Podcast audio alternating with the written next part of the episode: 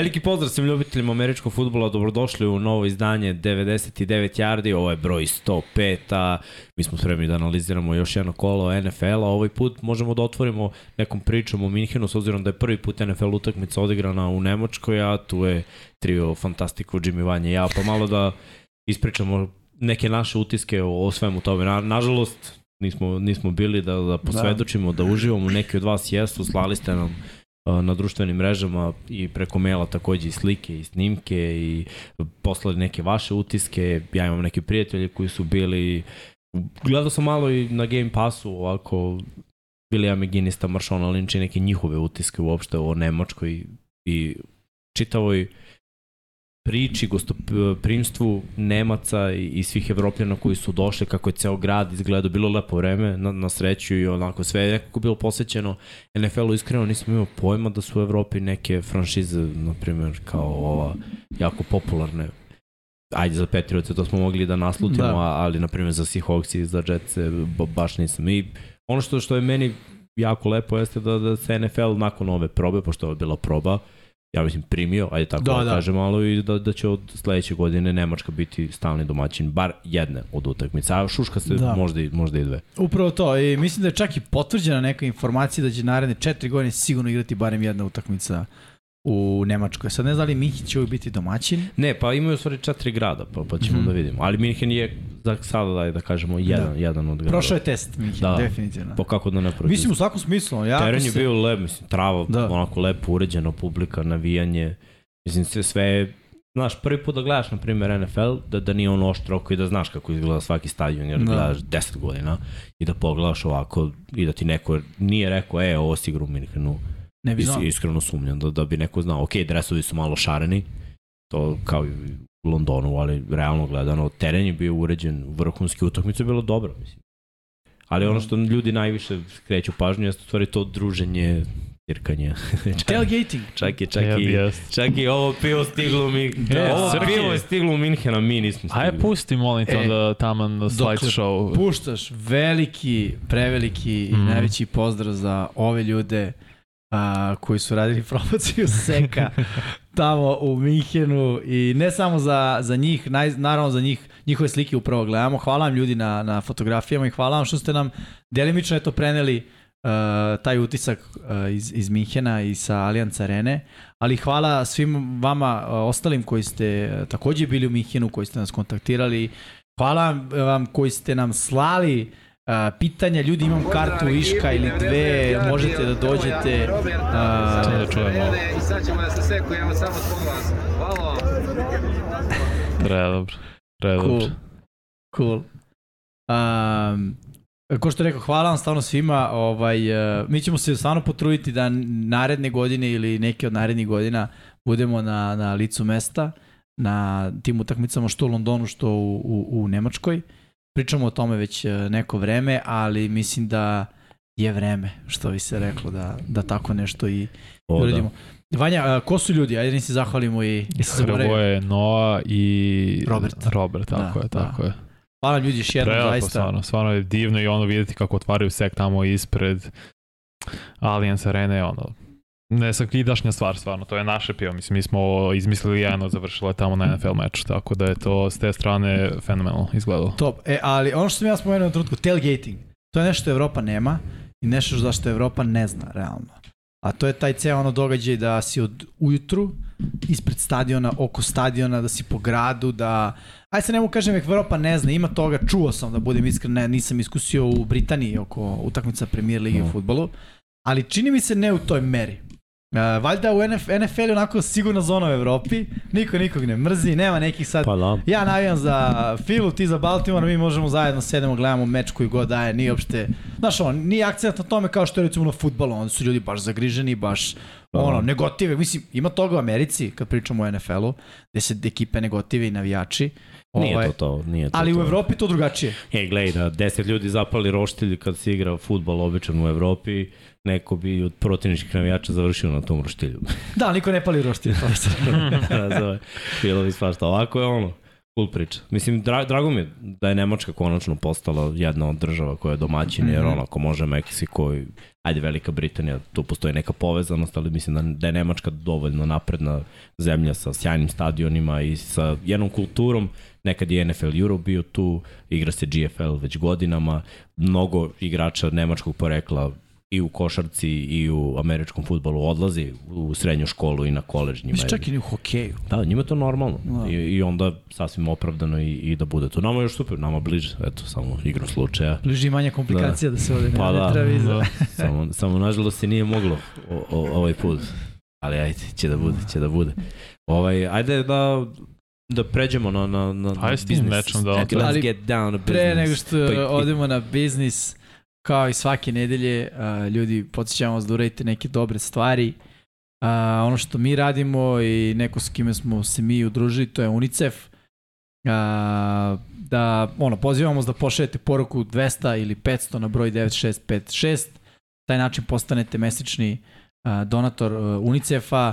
A, spomenjamo ovo iz nedelju nedelju, ali zaista je ono va, važna stvar da svakom detetu damo šansu da ima a, fair priliku ili što je više moguće fair priliku u, u životu i, i u svetu i mislim da je ovo jedna super stvar i da eto svako od nas koliko ko može a, može da pomogne pa eto uhvatite telefone i pošaljite a, poruku ako već niste naravno a, tako da a, da to je taj humanitarni deo to je humani deo da kažem a, koji, koji ovaj je a, jako važno da napominjemo pa eto i ove nedelje krećemo pažnju na, na, na UNICEF i na ovu akciju koju, koju radimo s njima. Da, ajde i tamo onda da iskoristimo priliku isto da pozovemo ljude da lajkuju, da se subscribe-ujete takođe ako niste već, podržite preko Patreona ako želite, ako ne, nema veze, mi ćemo ovo da radimo pa ćemo da radimo. A ako želite da podržite ekipu i da uzmete neki naš uh, merch, imamo tu majice, konačno je sajt usposobljen prošle nedelje, tako da Nice. ako, ako želite, njih dvojica trenutno nose. Aha, prešao si na, sve. Prešao si na AFC, a? Pa, e, Brata, ne, ne, okej, okay, sad je ovaj, Fila i Minnesota imaju po, jednu, po jedan poraz i tu sam malo da iz, iz respektujem Ja Minnesota. sam mislio da si prešao na istočnu obalu, ali dobro. Ne, sam, Ako bude bio neki meč, ti jedan ti je tamo, ona ljubičasta tvoja, možda bučeš. Ne, mi smo Minnesota već pobedili, tako da mogu da nosim. Ovo je sigurna boja za u ovom. Ja. da. Tu imate, tu imate leverage. Dobro, ajde da ajde pređemo onda. Let's get down to business. Ajmo odmah da vidimo uh, šta smo to najavljivali prošle. Dobro smo najavili. Ovo je meč sezone, kažu mnogi. Pa, realno gledano, Do sada. ovo su dve ekipe koje možemo vidjeti u Superbowlu, da krenemo tako, ekipe koje imaju dosta talenta, ofanzivnog i defanzivnog, i dve ekipe koje trenutno imaju možda neke povezanosti ovako braća Cook, running backovi na obe Da. strane, Stephon Diggs iz Vikingsa došao u Billse, a Billsi poslali pika prve runde, od kog su Vikings izabrali Justina Jeffersona i iskreno, znaš, ajde budemo realni, ovo je win-win situacija Da. i za jedne i za jeste. druge. Josh Allen je dobio vrhunskog hvatača, ima ne, odličnu hemiju, Stefan Diggs je ozbiljan hvatač top 5 sigurno I u. NFL-u, lider, pravi, pravi igrač za njih. S druge strane, Justin Jefferson je ne samo ispunio te velike cipele Stefana Diggsa, ne- nego mislim da je još nabavio nekoliko pari da ispuni njih. Jer ovo što on radi ove godine je, je prosto neverovatno. Opet, uh, mo, morao bih malo da, da naglasim u ovoj utakmici da me razočarala traljava igra obojice quarterbackova na, Da, da, da. na novom meču. Allen je imao dva interceptiona i fumble koje je na kraju omogućio Minnesota da, da, da triumfuje, inače se to ne bi desilo. Cousins u nekim momentima onako na pamet, bojažljivo baca loptu u, u zonu u kojoj ne treba. Opet, imali su vrhunske poteze i jedan i drugi, ali ne sviđa mi se ovaj NFL trend. Ovo, ok, prangijamo šest vrhunskih dodavanja i onda jedan interception ili neka, neko glupavo dodavanje. Mislim da, da njih dvojica, ajde, za, od Kazan se mi ga stalno pljujemo, on nije top 10, mi, ceo svet je u fazonu, jeste top 10, nije top 10, jeste mm. konstantan, nije konstantan. Dobar je quarterback, nije dobar quarterback. Za Josh Allena ja prvi kažem, najviše volim da ga gledam, ali ovo što on radi ove godine je meni užas. Pa nije samo ove Znači- godine, već od prošle godine... Ali nije ovoliko, ovo je baš mnogo.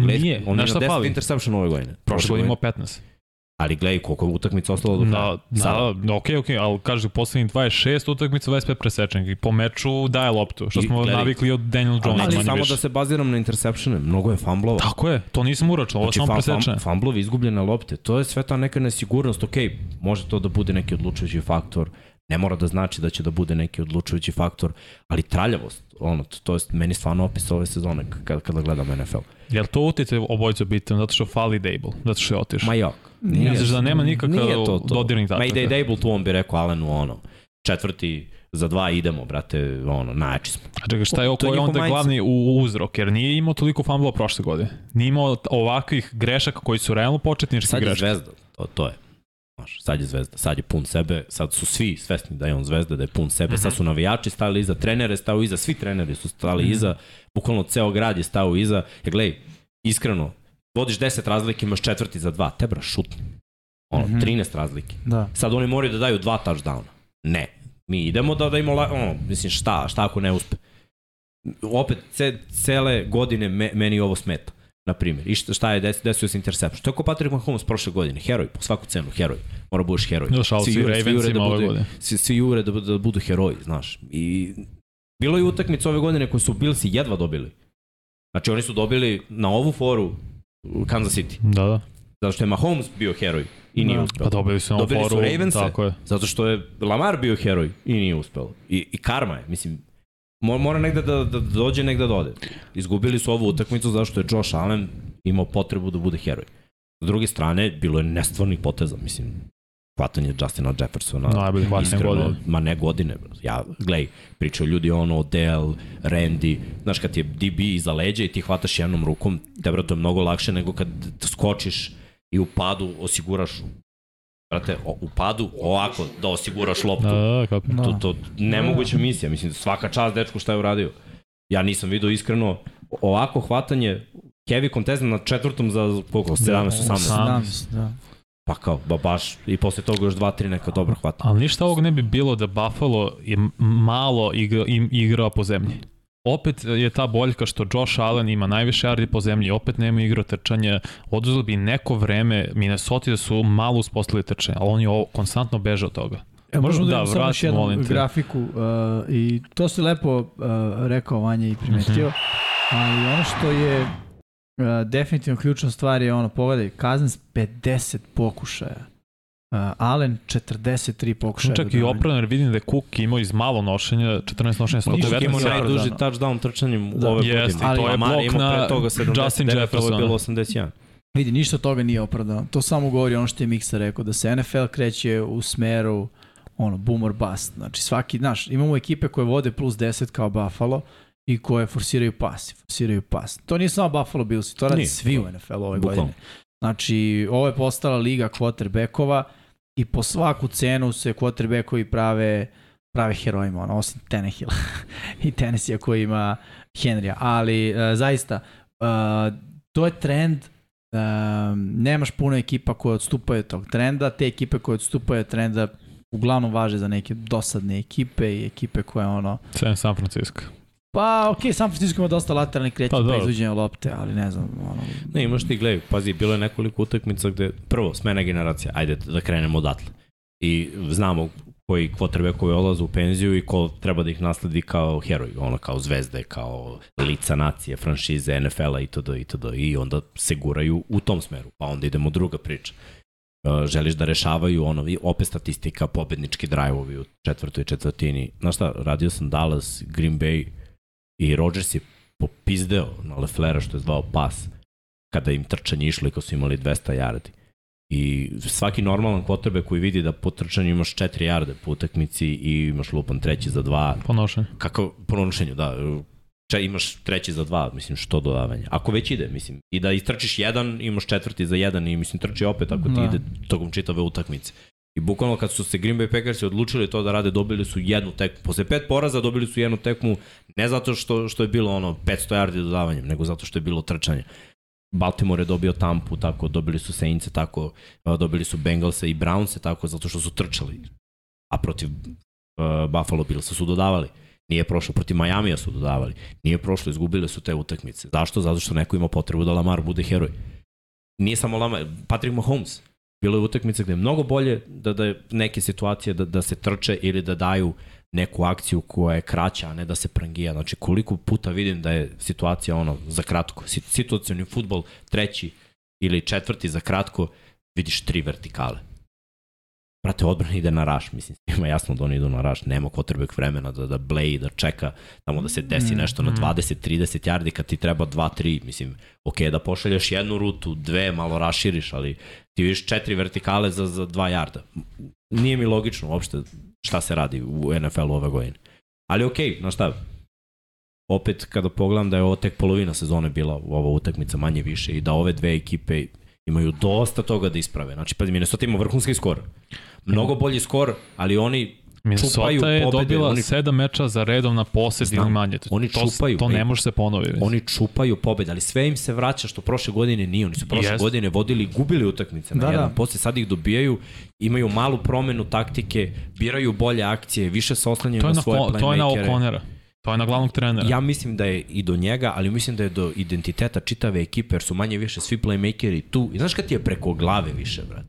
Kad ti ono, bukvalno preko glave da gubiš na ono, jedan razlike, dva razlike, tri razlike, a igraš dobro utakmicu i vodiš i ono, neko je tu se skupio, možda je trener bio, ono, pravi rešenje.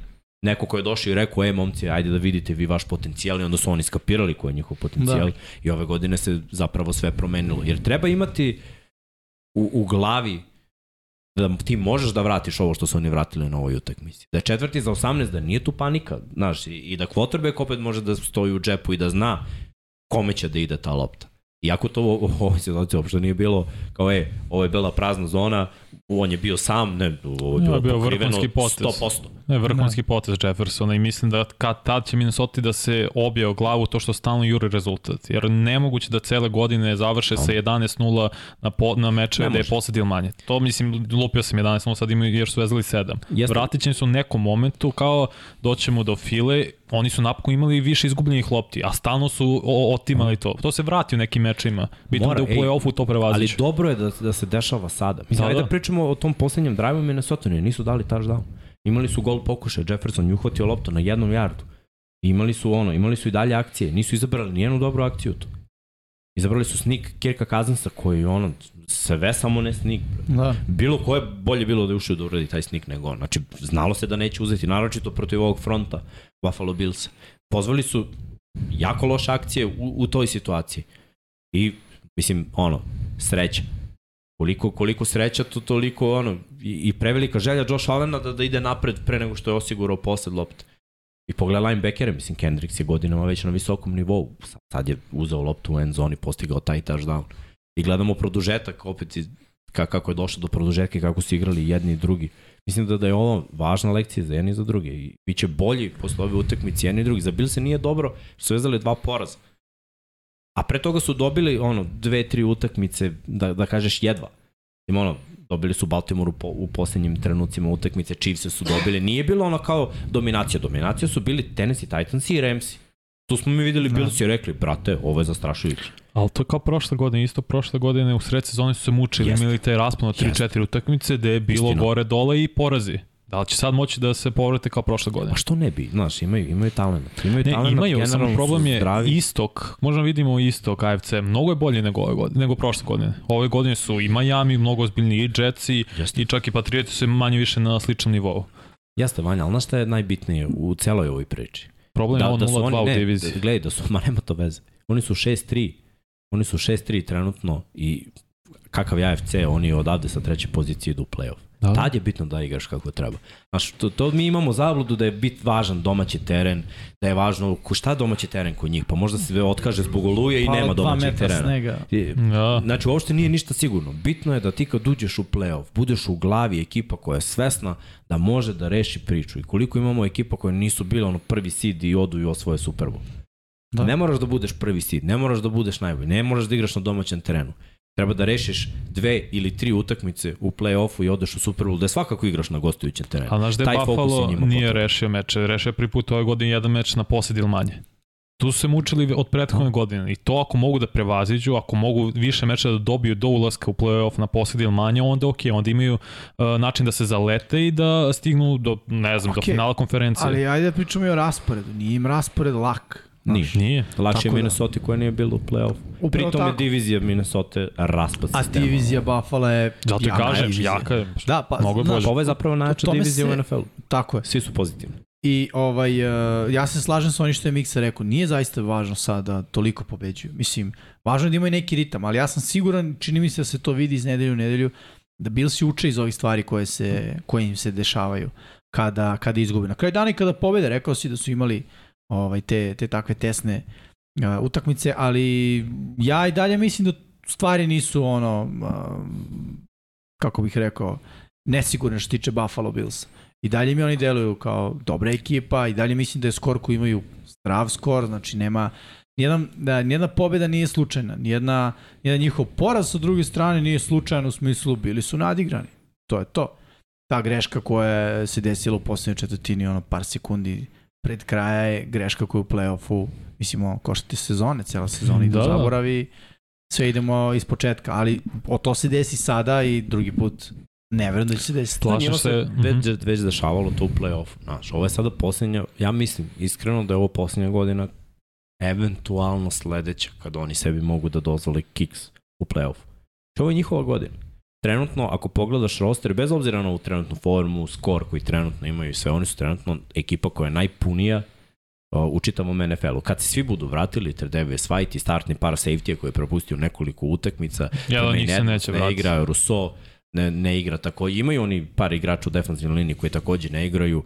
Pogledaš napad koji na jednoj utakmici briljera, na drugoj i ovamo i onamo. Znači sve to samo treba da se složi tamo negde a da kažemo polovinom decembra, za, za mesec dana bukvalno. Pa, Ne, četiri, tada, tada da. postaje vrlo važno da, da, da nema više kiksa. Do tad, od tad mora ono, pobede do kraja sezona. Pa samo me plaši što ne menjaju jednu tu istu manu tu igru trčanja koja konstantno je uglavnom je dole redko kad je gore. Redko kad je ono da imaju Wow Singletary Pa i gledaj, prošle- 90 plus yardi, Prošle nešto. nedelje je bilo dobro. Ne sad ova utakmica protiv Protiv Jetsa. nego prehodna nedelja. Iskreno Singletary igra dobro. To ti kažem, desi se u 3-4 meča jednom da odigraju dobro trčanje i onda posle, Ali, ok, nema Ajde ovako, više na toga. prvu loptu, koliko ekipa igra balansiran futbol u NFL-a? Ja bih rekao da Fila igra prilično iz balansiran futbol. Malo. Ekipa, ej. Ali na vrlo malo. jedne San Francisco. Upravo tako. Zato što je to trend, to je to ono što, što, što sam Da. pomenuo odmah na startu, da, da je ovo ono, guranje tih nekih mladih quarterbackova da postanu heroji, cela, cela priča, pompa, pas, pas, pas. Bespotrebno se, se futbol gura iz tog balansa, znaš. A u stvari uspeh je u balansu, u dobroj odbrani i u balansu. Kako je Washington dobio filu, mislim, zahvaljujući 50 pokušaja. Ja ni- nisam gledao utakmicu skoro da je ekipa trčala 50 puta. Te svaki drive bio 15 plus akcija. Da, da. Radim, ono, radim drive 19 akcija, zaboravio sam bre u tom drive-u koje su bile prve dve akcije koliko traje. Razumeš, traje, traje, Da, traje da. i umarate to ono što smo Jimmy milion puta rekli. Ne umarate big play kad pukne fade za 80 yardi. Povratiš se ti od toga, ok, bilo, prošlo, idemo dalje. Ali kad ne možeš da zustaviš to ono 3, 3, 3, 4, 3, 3, 10, 3, 4, 3. pa, pa, pa, i svam, stalno je novi prvi down. To je uspeh. E sad, neke ekipe mogu to da rade, neke ekipe Plaš, ne mogu. ne znam da li, Bal, da li Baltimore, da li Buffalo to uopšte može. Ba, Može, Baltimore može, Cincy može, Može i Buffalo. Buffalo ne ima, znam da li može Buffalo, ima to je toliko pitanje. talenta, samo prav, pravo je pitanje ono, da li jure da li jure ove statističke golove, ja mislim da, da je to sada cilj, da ono, Stefan Diggs ima određeni broj yardi, da Josh Allen ima bačene touchdownove, da ima yardi, da bude MVP, mislim, to je on ofenzivni koordinator zove svom quarterbacku da on bude MVP i time mu šteti. To je- To je neko moje mišljenje. Da. Nekad ofenzivni koordinator bi trebalo za ove akcije da ekipa pobeđuje. I ljudi to vide. Evo, Jalen Hurts ne igra ništa posebno u sezonu kad pogledaš statistički. Ok je ta sezona, ali nije ona sad kao fuš, Znaš, kao dulo me koliko dobro. Meni je on kandidat za MVP-a. Zašto? Njegova ekipa ima 8-1, on igra jako dobro, prilično je siguran sa loptom i oko njega grad, ekipa, svi deluju nekako srećno. Evo, to je definicija MVP-a. On, Da. on pobeđuje i to, to mi je mnogo bolja priča nego daj mu loptu nek prengije hiljadu puta da bi imao 4000 yardi. Šta imaš na kraju te 4000 yardi? Nema, nemaš ništa. Da. Ceni se samo Lombardi na kraju. Istina. Možemo Ajmo, dalje? Da, da, Možemo. ajmo dalje. Drugi meč koji smo izvojili prošle nedelje. Commanders i Eaglesi. Nismo baš od izbrali sve neče koje smo izvojili od prošle nedelje, već ono koje su bile najzanimljivije, pa smo iskombinovali. Gle, ovo je bio, mislim, ja sam očekivao da će biti malo night. neizvesniji meč. Kako je krenuo, Fila je odmah uzela loptu, fumble, odmah touchdown, Commanders su uzvratili touchdown, uh, udarila još jedan touchdown, kao što vidite u prvoj četvrtini 14-7. E, onda se desila uh, anomalija u, u sezoni Philadelphia Eaglesa, koji ove godine u drugoj četvrtini uništavaju protivnike. Znači, njihovi protivnici su obično na nuli ili na, nek, na nekom bednom broju postignuti poena, dok Philadelphia u drugoj četvrtini uzima lopte i daje dvocifreni broj poena. Mm. Ovde se desilo u drugoj četvrtini da je Fila ostala na nuli, ne samo u drugoj, nego u drugoj i trećoj. Zašto? Zato što je Washington imao te napade koji su toliko umarali, nije, nisu osvajali mnogo jardi. To je ono što, naj, što najviše može da boli Filu, jer je bilo toliko prostora da se te neke stvari zaustave.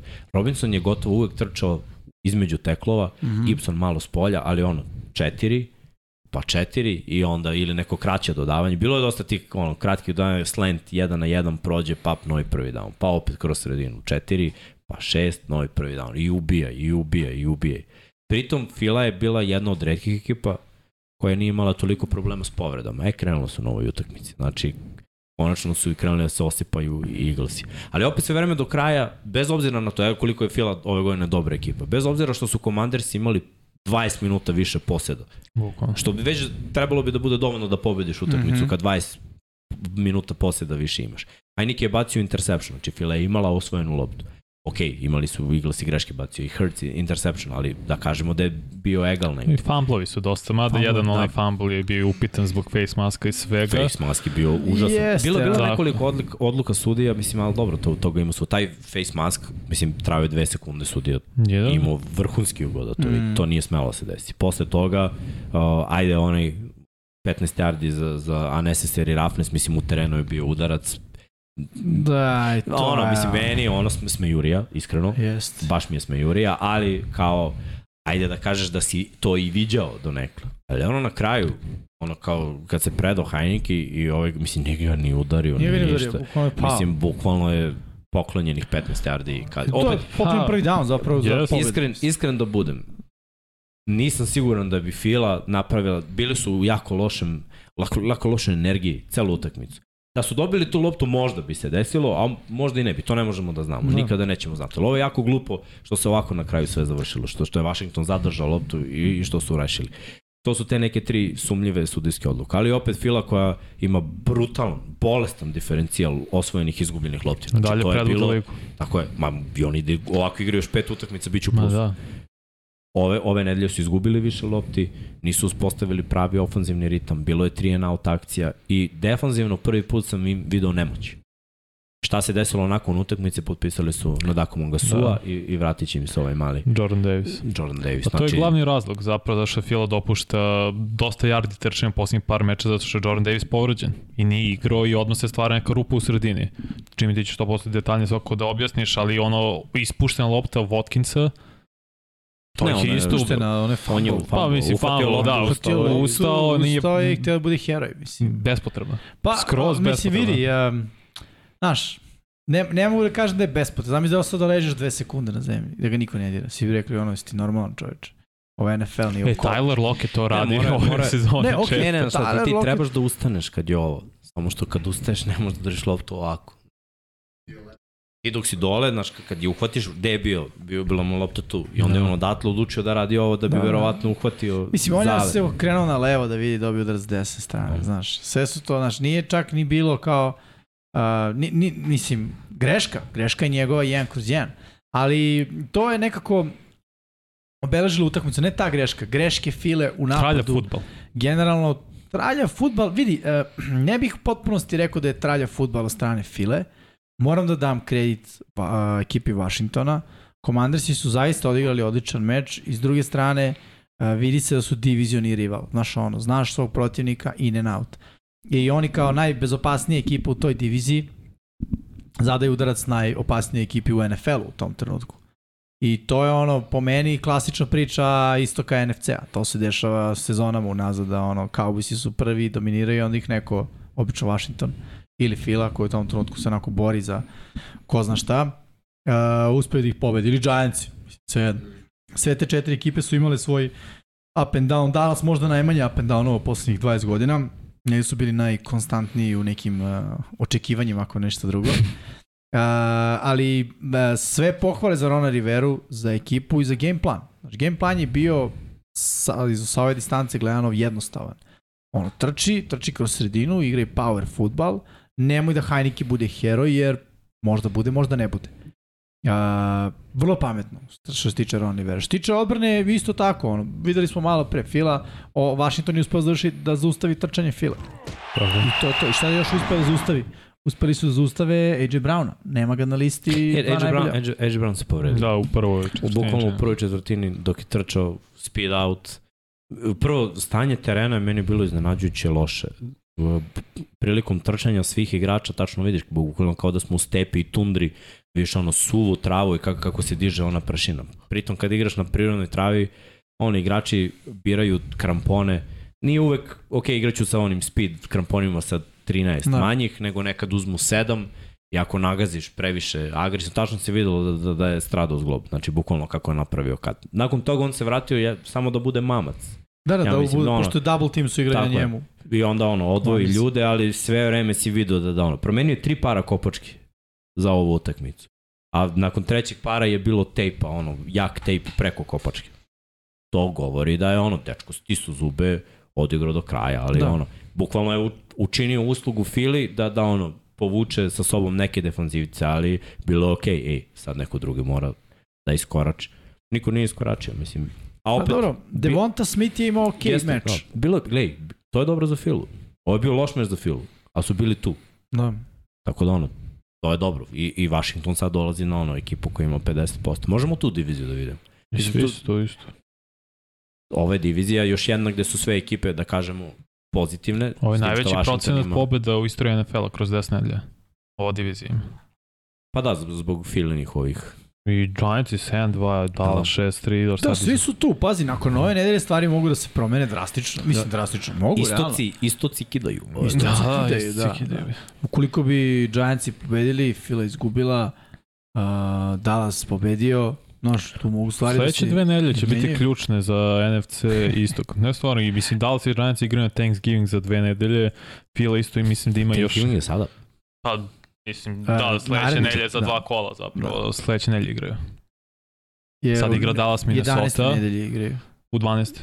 Ne, ne, sad, sad u četvrtak je... Pa te- dobro, za dva kola, to je to.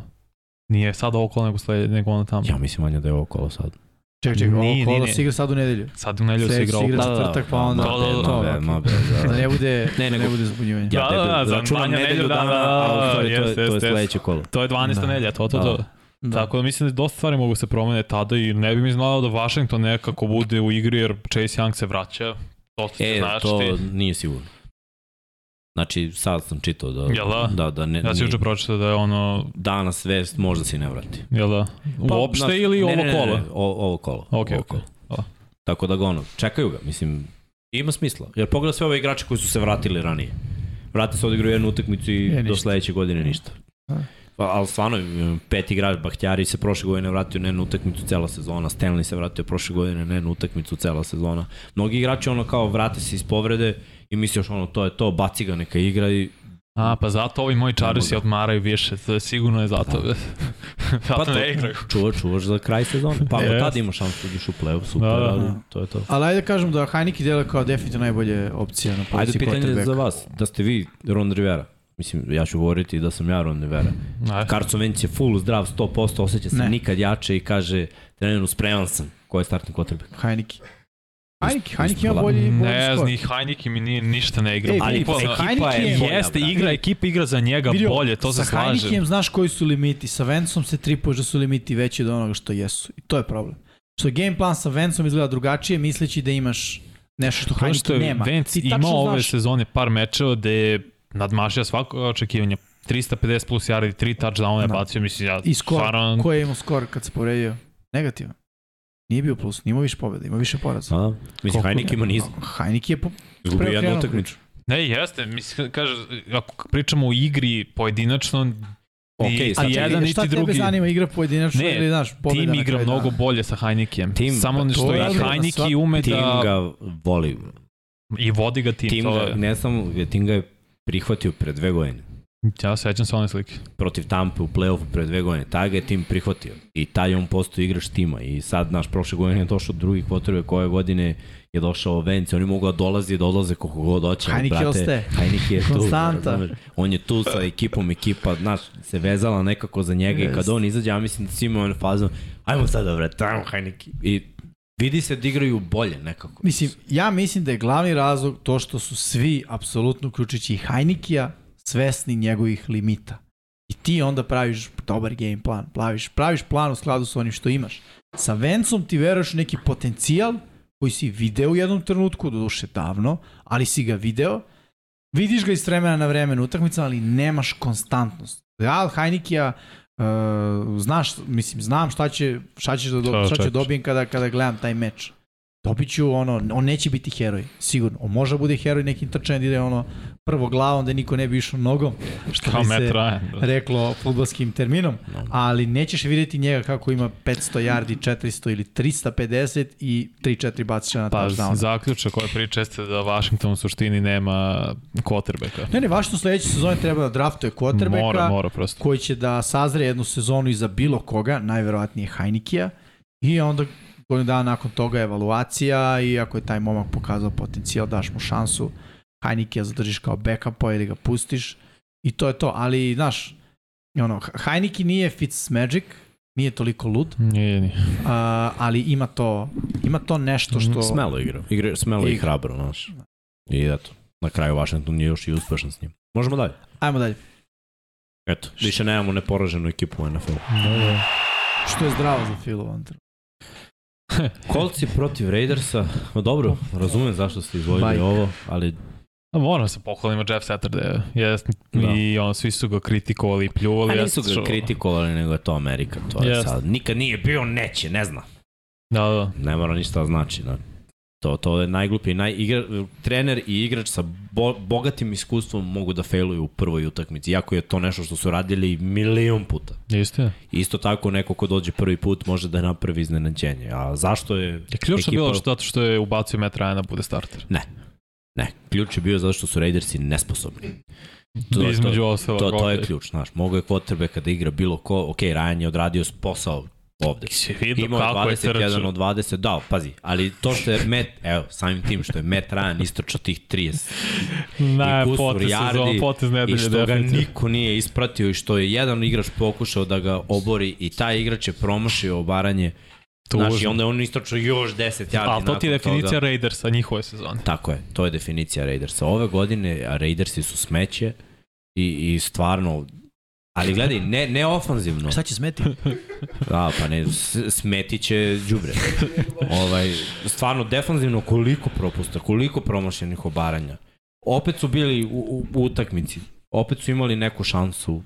Mislim, znaš šta, ja pogledam produktivnost Devonta Adams ove godine. Dečko ima najviše touchdownova u NFL-u.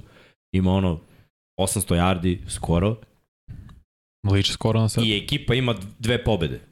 2-7. Pa zašto je ova sezona o Devante Adamsu što se tiče Raidersa, ne o Raidersima i to je malo...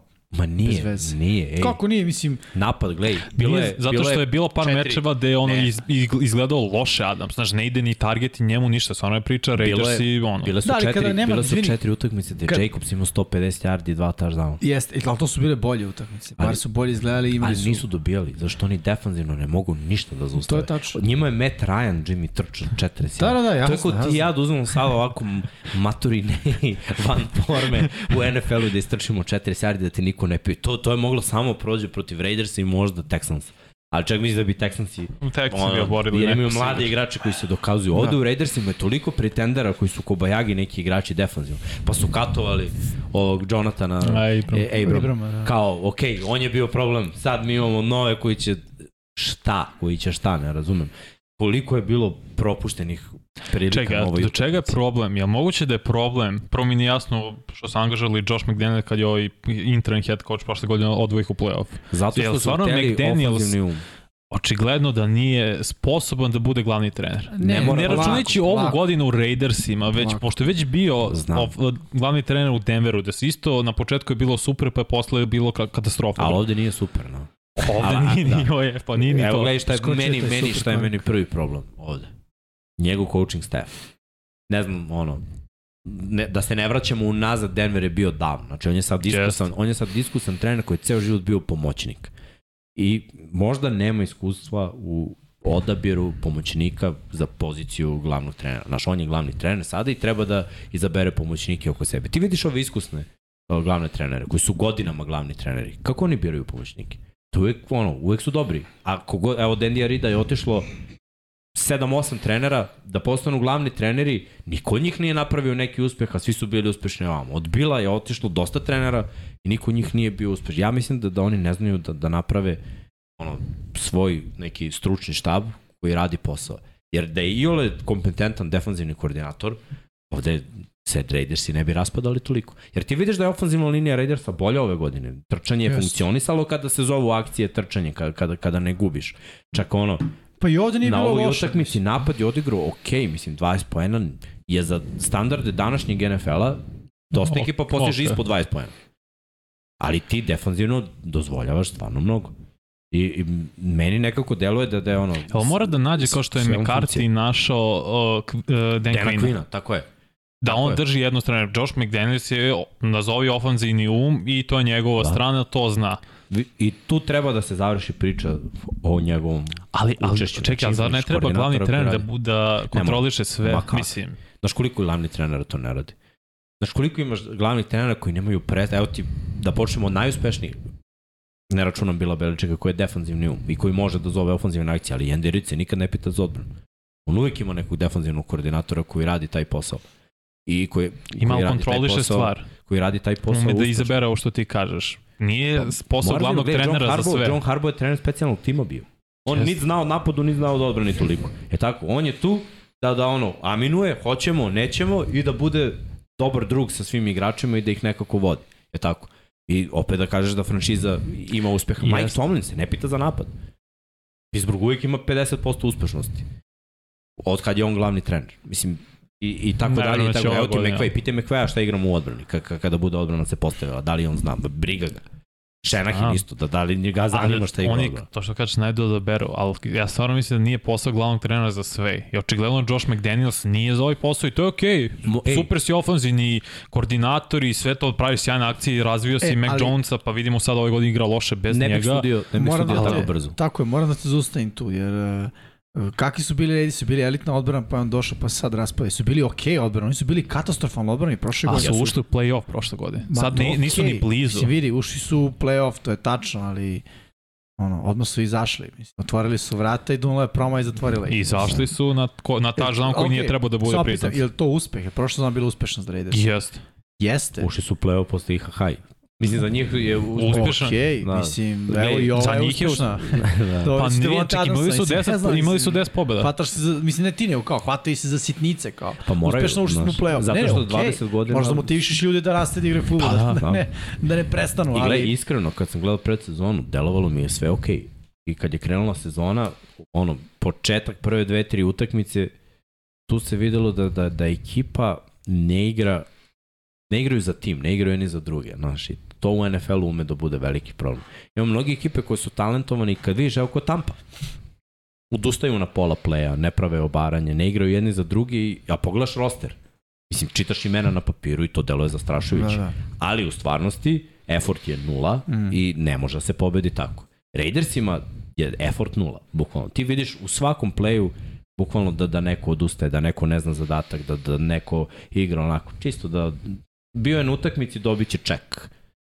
Tako oni igraju. Iskešira to. Ta, tako ne možeš. Prošle godine je bilo nekih stvari, mislim zašto su oni uspeli. Prošle godine su se izdašavale te stvari sa Grudenom, sa Ragzom i nekako su se sjedinili, stali su jedni uz druge. Moment loženja je bio onako veliki. Izgurali su neke utakmice, stigli do, do tih 10 pobjeda, ušli u play-off. Ove godine oni neće stići do 6 pobjeda. Mislim, biraće visoko na draftu. Mac, McDaniels će ostati, Neće ostaće tu. birati. Jer imaju pika? Ili su dali tog pika prve runde za Adams? Ili im je ostao pik? Možda su ga i dali. Nisam Možda su siguran. i Možda su i možda im i ostao. Nešto mi u glavi, možda su dali 2024. Ne, svakako dok Jimmy proveri to, uspeh je bio prošle godine playoff. Pričali smo koliko puta, mislim, za. Filo je prošle godine bio uspeh playoff. Vlada ekipa, sve to korak dalje napreduje se, evo sad Fila, ne kažem da će to ponovi i neće ponoviti Raidersi, ali za njima je bio uspeh, oni su dobili playoff meč od 2002. 20 godina je prošlo. Jeste, stoji. Ali gledaj, A ove sada godine, ove godine Imaju, će biti, imaju pik prvi. da. Jel imaju ove ovako? godine Mhm. će biti katastrofa. S druge strane, kolci, mislim, oni će biti katastrofa. Smo Niko iz juga osim. Tennessee neće ući u playoff. Naročito ne kolci koji su sad stigli do četvrte pobjede. Oni imaju toliko problema na, na, na sve strane. Želimo tu diviziju. I južnu tužnu. I južno tužno računajući pobedu Imaju Tennessee. li pikove? Prva, druga, treća, četvrta, Imaju. pa peto rundi imaju. Ako što su onda dali za Adamsa za 2024. su onda pikuje. Ja mislim da je druga runda sledeće godine. Jel da? A da je prva. Pa ne, mislim, možda su imali neki višak. Moguće. dupli Dve pikove. godine Da. Evo vidim loši. 2024. prva, druga, treća, Jel da, onda peta, smo imali sigurno. Pogledat će, evo pa da, kolci 4-5-1, fenomenalno. Tennessee sa pobedom od sinoć. kolci dalje imaju šanse, čovječe, Nemaju. da u play-off? Znaš zašto Kako? nemaju? Zato što je AFC... Ne, nemaju po- realnu šansu. Pogledaš ove ekipe koje su drugo plasirane u drugim divizijama i ono isto gde treća ekipa ima 6-3. Pošto četvrta Znaš. ima i Patriot imaju bolji skor od njih. Al- hm? Patriot imaju bolji Imaju, skor da. Mm, Nema šanse.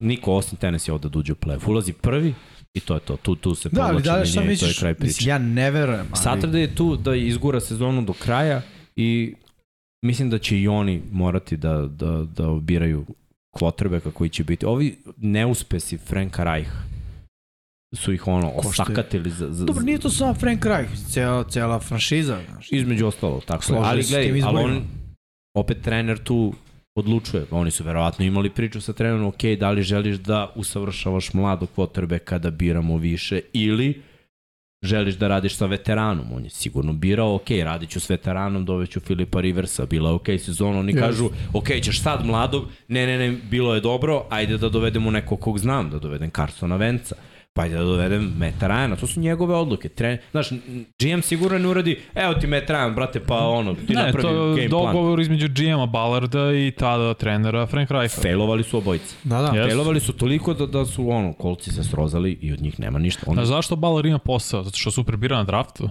I oni uvijek izvuku neki talent i u prvoj, drugoj, trećoj rundi. Osim quarterbacka. Kog nisu Doduše, birali. Da, Nisu Andrew birali. Luck je Leonard je inače koji- povređen, neće igrati do kraja godine, njihov Tako najbolji defensivni igrač i to je još malo jedan po problem. malo se osipaju naš, na sve strane. I, i Da. to je sad onako, pravo pitanje je koji je njima cilj, da li možda da izgube, da izgube neku utakmicu da bi birali više Pa ne verujem. i, da je ili to da igraju cilj. ovako kako mogu. Mislim, ba danas danas ono, divizija im nije toliko, mislim, nije im jaka uopšte. Ja mogu da vidim da se Titans i... Titansi su ih očistili, brate. Ok, Titans su Colts imaju još jedan meč u diviziji. 1-3-1 imaju tako. Sve jedno, ali imaju 4-5-1, Tako je. Titans imaju 3, 7-3. 7-3. Da su Titansi sinoć izgubili da Green Ne Bay je može da napravi dva meča za redom da izgledaju i ole dobro, pa ajde. Ali, Gle, kolci, evo, moj bold prediction do kraja sezone, oni neće imati 8 pobjeda. Nema, nema šanse. Mislim, to delo je najrealnije. Ja mislim da je ovo sa Jeffom Satturdayem bila slučajnost. Ne, pa okej. Mislim, ne, Ono, ja ne vidim pobede on, za on njih. je coach koji ekipa igra za njega. I ono, to je okej. okej. Imaće zadatak verovatno da usavrši, da vide ko je gde od ovih mladih igrača, da, da, da proba da, da sve to sredi. Pa, ali njih ofenzivnoj liniji, ništa. pošto igra mnogo lošije ofenzivne linije ove godine nego prethodni. Možda tu malo da popravi neke Pa, I stvari. tu su se povukli neki igrači, znaš, i, i neki igrači su, prošle da, su izgubili, odmah se, se vidi da to nije to. Opet, nemaš ti taj neki balans, taj tendovi igraju mnogo slabije i Doyle je otišao. Pre Simonaš, kad je Doyle koji se otvara dobro, pokriven, onda se otvori Ali Kogskog, nema ove sezone, hvatači nisu toliko dobri, nema balans, onda se okrećeš trčanju i svi znaju da ćeš se okreneš trčanju gde ti je ono running back najbolji igrač, ubedljivo u Ali napadu. vidi, Tennessee je najbolji igrač running back, pa Tennessee daje trči. Ali Tennessee ima dva, tri tight enda koje ono, znaš da blokiraju, oni blokiraju i uvek blokiraju. I sistem. Plus jednog Tennessee ima quarterbacka koji na play actionu, mislim koliko god ja mislio da, da je Tannehill prosek proseka, na play actionu na prvom downu Tannehill je najbolji quarterback u ligi već 3-4 godine. Zato što je Henry na 7 yardi i ide play action i svi se spuste u boks. Evo, juče su Packers igrali sa 8 igrača u boksu, sve vreme. Samo 3 idu u coverage. Maco, prilika. Mislim, on, i, i on to radi tako na taj način. Da. Ovamo je druga priča. Mislim, stvarno, osim Riversa koji je to koristio na vrhunski način, isto sa lošim hvatačima, ništa nisu bio bili bolji. najbolji od ove trojice? Rivers je objasnio. Da. Nji- Njihov najveći peh je u stvari Andrew Luck. Da, to, to ih je uništilo, ja mislim, za 10 godina. Ono ih je Da. rastavio, jer kad se vratio na jedne godine, video si šta jedan dobar quarterback znači Indianapolis Colts. Oni dobar quarterbacka bukvalno nisu imali. Od tad Philip Rivers je bio ono zalazak karijere, meni je za veterana vrhunsku sezonu i odigrao. Doveo ih u play-off, play calling mi je bio diskutabilan, ali s Rajkom Jeste. mi je svaka utakmica diskutabilna Mhm. kad je play calling u pitanju. On ih košta te pobjede. Ali ajde, možemo da... Ajmo Ajde. dalje. Da, malo smo zadržali na Da, ovom ne, meču. bukvalno nebitan među dve ekipe koji sigurno neće u play-off. Ali ajde. Da vidimo šta je sledeće, pošto je Vanja malo promešao karte. Packersi i Cowboysi. Pa gle, je- utakmica počela 0-0 i onda 14-14 u drugu četvrtini bilo ok, bit će ovde, bit će ovde vatromete. I, I svašta se zaista de, dešavalo na ovom meču i mogli smo da vidimo prvi put ove sezone uh, da Rodgers, mo, da je Rodgers zadovoljan njenim hvatačem i Christian Watson koji je izdominirao na ovoj utakmici sa ta tri taždana. Ok, imao prvi target koji bi verovatno bio taždan što je ispustio Da, nakon toga se videlo u stvari da, da bi mogao da bude vrlo važno oružje za Rodgers. Još je i sinoć postigao dva touchdown. Tako da ono, dobio je Rodgers tu neku vertikalnu pretnju, je samo fali igrač koji može da se otvori jedan na jedan na svim drugim rutama. E, to nema. to nemaš I, I to je velika frka na ovoj utakmici na njegovu sreću. To nije ni morao da traži, jer su Cowboysi šuplji, ja to pričam godinama, da njihova odbrana trčanjem je šuplja u Četvrta je najgora u ligi. Jer oni imaju vrhunske rašere outside. I Da. samo ekipa koja je dovoljno jaka da ih otvori Da. unutra, ta ekipa može da igra protiv njih ceo dan. I to su bukvalno uradili ovde. 207 yardi trčanje. Da, lagano. Znači, bukvalno gle- gledaš trčanja i vidiš da, da, da to stvarno ide lagano. Da oni nemaju apsolutno Da. nikakav način da, da zaustave. Ali se, s druge strane, za Dallas su se pojavili uh, Prosidi Lamp, koji već nekoliko nedelja igra na, na je jako visokom nivou. Prvi hvatač Dallasa koji ima preko 100 yardi ove sezone u jednom meču. Da, da. Ove, to je prva utakmica njegova ove sezone. Da ima preko Pa 100 da, yardi. kažem, bilo kog Da. igrača Dallasa. To To- da. I opet, znaš, to sam teo od njega, ako je broj 1 u, prvoj utakmici i u svakoj dalje. Znači da čekamo koliko 10 nedelja da, da se ti, brate moj, setiš da uhvatiš 100 yardi. To je onako malo, malo kasno, ali okej, Ali znaš dobro je je za meni vest koja nije nova, ali je prava, uh, Tony Pollard. Mislim, ako ja sad sam Cowboys, ja bi utopio Zika. Ne treba ti više. Ali realno. nikoga neće. Sa ovakvim ugovorom, nikoga No. neće. Ok, ja bi ga tradeo, probao bi da ga tradujem, realno. Jer mislim da Dallasu ne treba uh, Elliot, pogotovo zato što Dallas uvek prati trendove, a trendovi kažu 50 plus pokušaja po utakmici quarterbacka. Tony Pollard može lagano da izgura tih 15 nošenja koliko bi dobio i, i Zik. Momak igra odlično. Odlično. A šta je bio recept za Dallas kad nije igrao Dak? Mnogo više trčanja kao u ruki godini Dak kad je bio Cooperaš sad. I u njima Pa- odgovara taj 1-2 udarac i plus Jerry Jones obožava Ezekiel Elliott. Nema teorije da ga katuje, niti je Mislim ga da više voli Super Bowl. Ne, ne, Elliott. Onda oni su od toga prilično daleko. Znaš, o, ovaj njihov roster ima dosta falinki. Da, da. I ono, skor govori jedno, ali realna slika ako gledate utakmice, to, to govori drugo. Ok, oni imaju 6-3 je super skor, u diviziji imaju 2-1, na konferenciji imaju 5-3, sve je to super. I vidjet ćemo u stvari ono, Ovo dva kola stanje- je zapravo značajno za Dallas. Jer prošle godine isto su imali 6-2 i onda je krenulo nizbrdo. Da. I sad vrlo lako to može protiv Minnesota, protiv Giantsa da se isto desi. Zašto? Jer i Minnesota i Giantsi trče. tako je. Jeste, ali Minnesota, mi- mislim da ono, možda se umore, znaš. Što s druge strane, ono, za Dallas ne mora da znači. Ali ajde, okej, pričat ćemo o tome uh, kasnije. Gledaj, na, na ovoj utakmici što je mene najviše iznenadilo jeste Rodgers koji je dodavao ne samo ovom Watsonu. Mislim, ima dva back shouldera koji su bili tako dobri. Da, Sammy Dallas mi se. Sammy Watkins, Da. tako je, na broj. Ono, bukvalno Da. kako je dizu ruku, upakovati loptu tako, Mm. pre, coverage je bio vrhunski. Yes. Znači čovjek se zalepio za njega, samo nije bio okrenut ka lopti, ne, nego ka igraču nije znao. Ne, ne, ova ono. utakmica za Packers je bila odlična. Dodgers je imao 20 pokušaja dodavanja, Tako je. 13 kompletiranih. Sve ostalo je bilo 14. trčanje, što je bilo meni onako prilično jasno. Game plan je bio kako ćemo pobedimo Dallas, tako što će trčati. Što je dobra vest. Prvi put vidimo Packers da menjaju game plan. To je ono što, što pričam od početka godine, kad su tradovali zapravo Adams se rekao, ok, mora bude Dylan Jones kombinacija. Kako, ne znam i ne može Aaron Rodgers više sam da nosi tim. Prošle su te godine. I njega i Brady da oni sami nose svoje timove na leđima. Ok, odbrana ne ide, ok, neko je napravio fumble, nema veze, ja ću to da dam 28-30 poena, bit će sve ok. Koliko puta se u playoffu dešavalo pre da je dao po 35-6 poena napad, a odbran Green Bay primi 40. Gle, odbrana, I sad više ne može da dođe do 30 jer nema oružja u napadu. odbrana i ove godine kriminalna. Jest, I, nažalost. I za Green Bay i, i, i za Dallas. Mislim, ajde da pričamo malo o tim povredama. Uh, Rashan Gary, sezona. Out. Stokes. Uh, Devondre Campbell je povređen. Stokes je povređen. Da kažemo, ajde ovako, kad uzmem defanzivnu liniju, nisu povređeni, ali su ozleđeni. Evo, sinu smo videli Kenija Clarka koji je igrao na, na malo jačem nivou i odmah je bilo bolje, ali sad je bio usamljen jer nije mu pravu podršku. Vokeru koji je ruki, znaš, ubacio si dva linebackera, tek onako, pa, ajmo, ti si ruki, sad odjednom počne da igraš na visokom nivou neće to moći, ta, on će odigrati 5-6 akcija vrhunski, ali će biti nekih propusta, jer još uvijek nije video tom brzinom da se stvari odvijaju, još uvijek ima mnogo toga da uči, situacioni futbol, mnogo filma, mnogo si, znaš, dok ti to ne proživiš, džaba ti sve što gledaš i što učiš, ti dok ne proživiš, ne znaš, onda kad nekoliko puta osjetiš na terenu akciju, mnogo ćeš bolje da odreaguješ. To se videlo i, i vidjet će se tek kako utakmice budu prolazile.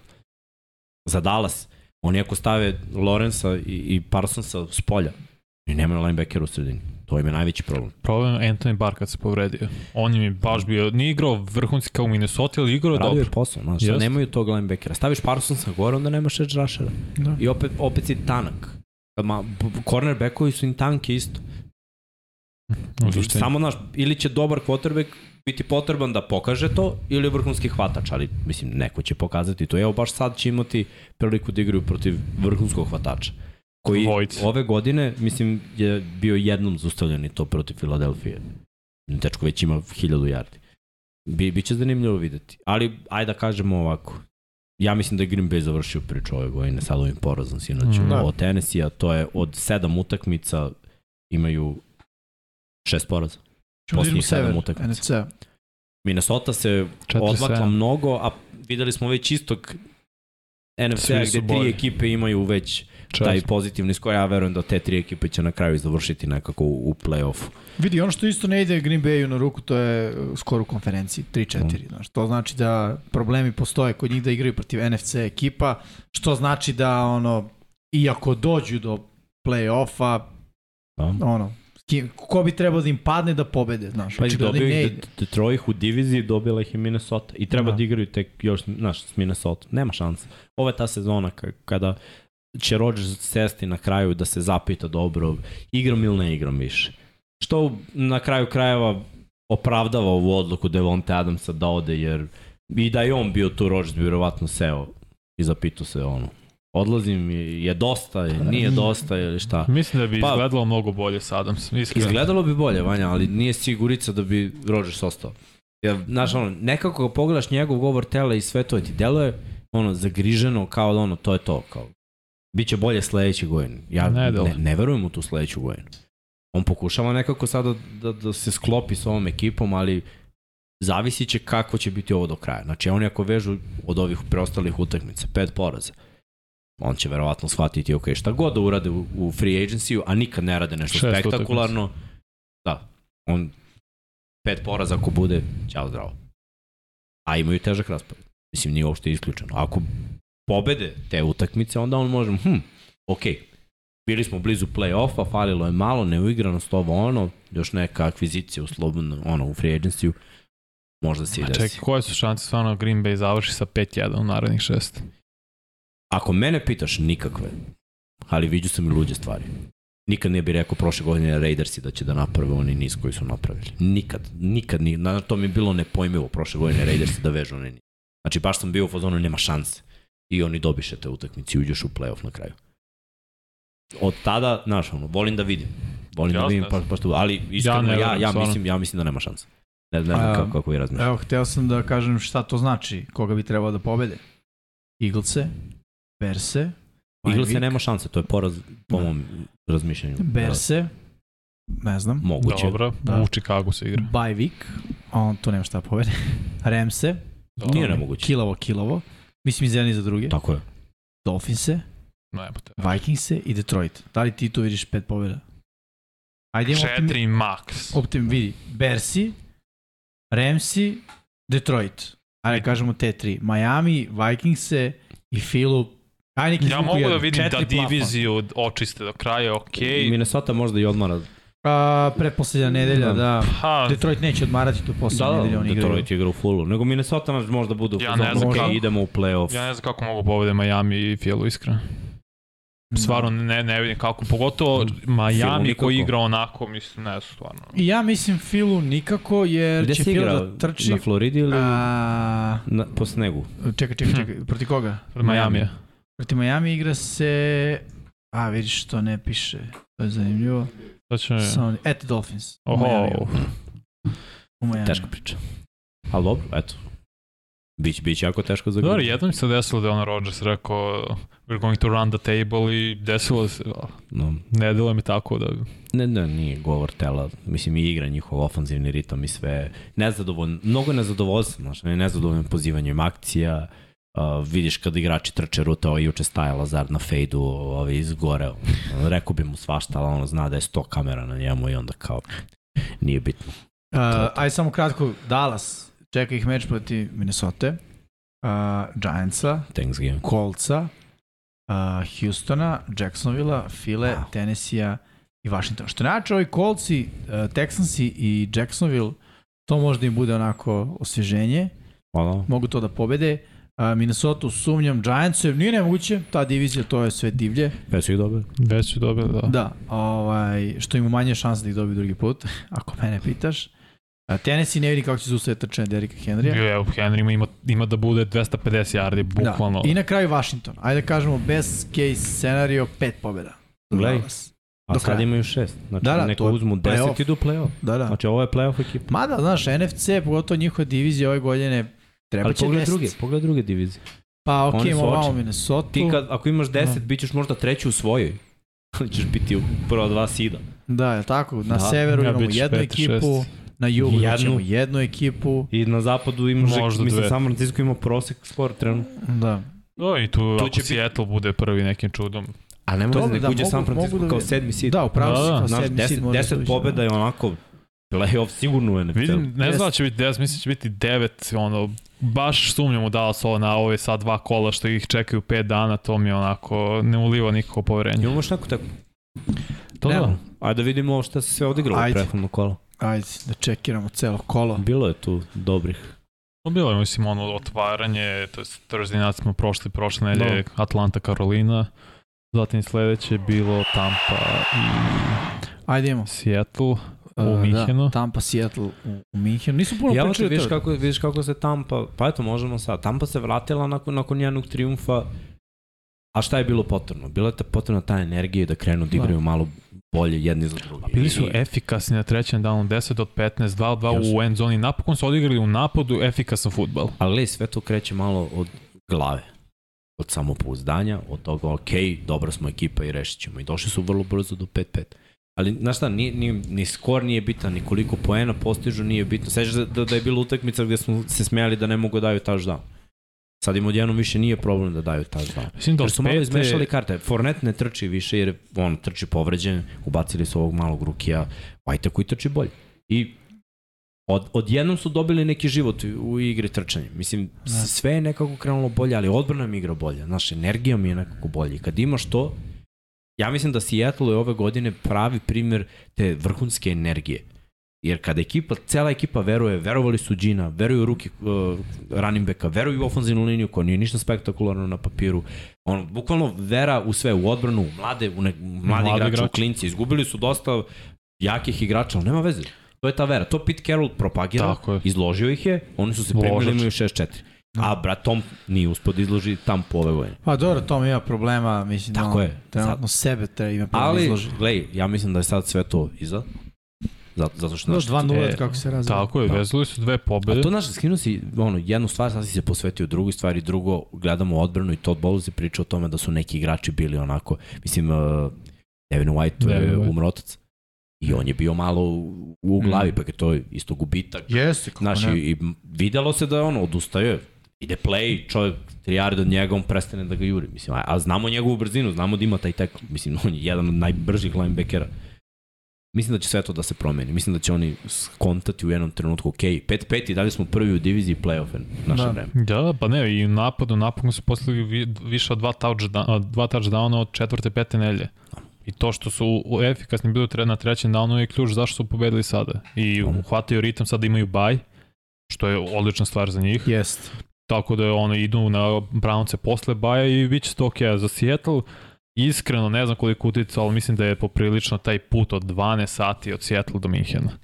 Igrali su tako neko traljav, ne, totalno nekarakterističan futbol što Pete Carroll ume sjajno da spremi za ove internacionalne utakmice. Oko izgledalo traljav, odbrana izgledalo loše kao na početku sezone što je sve popravljali, ali baš neko ne bolju reći, ali bez veze futbol Seattle. Mogli su da pobede, su igrali i ole na nivou na kom su bili Da. prethodno, gde su vezali četiri pobede za redom. I sad su kao da ono bilo, ne, kao došli smo da se zabavimo. Ali bilo nekih lepih akcija.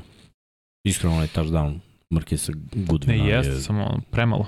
Ali, da, da, stoji. Ali opet Seattle tako igra ove godine. I bilo je nekih dodavanja koje nisu prošle, koje im prolaze. Nekad mora jednostavno da stane. Ne, ne može uvek da ide. Da.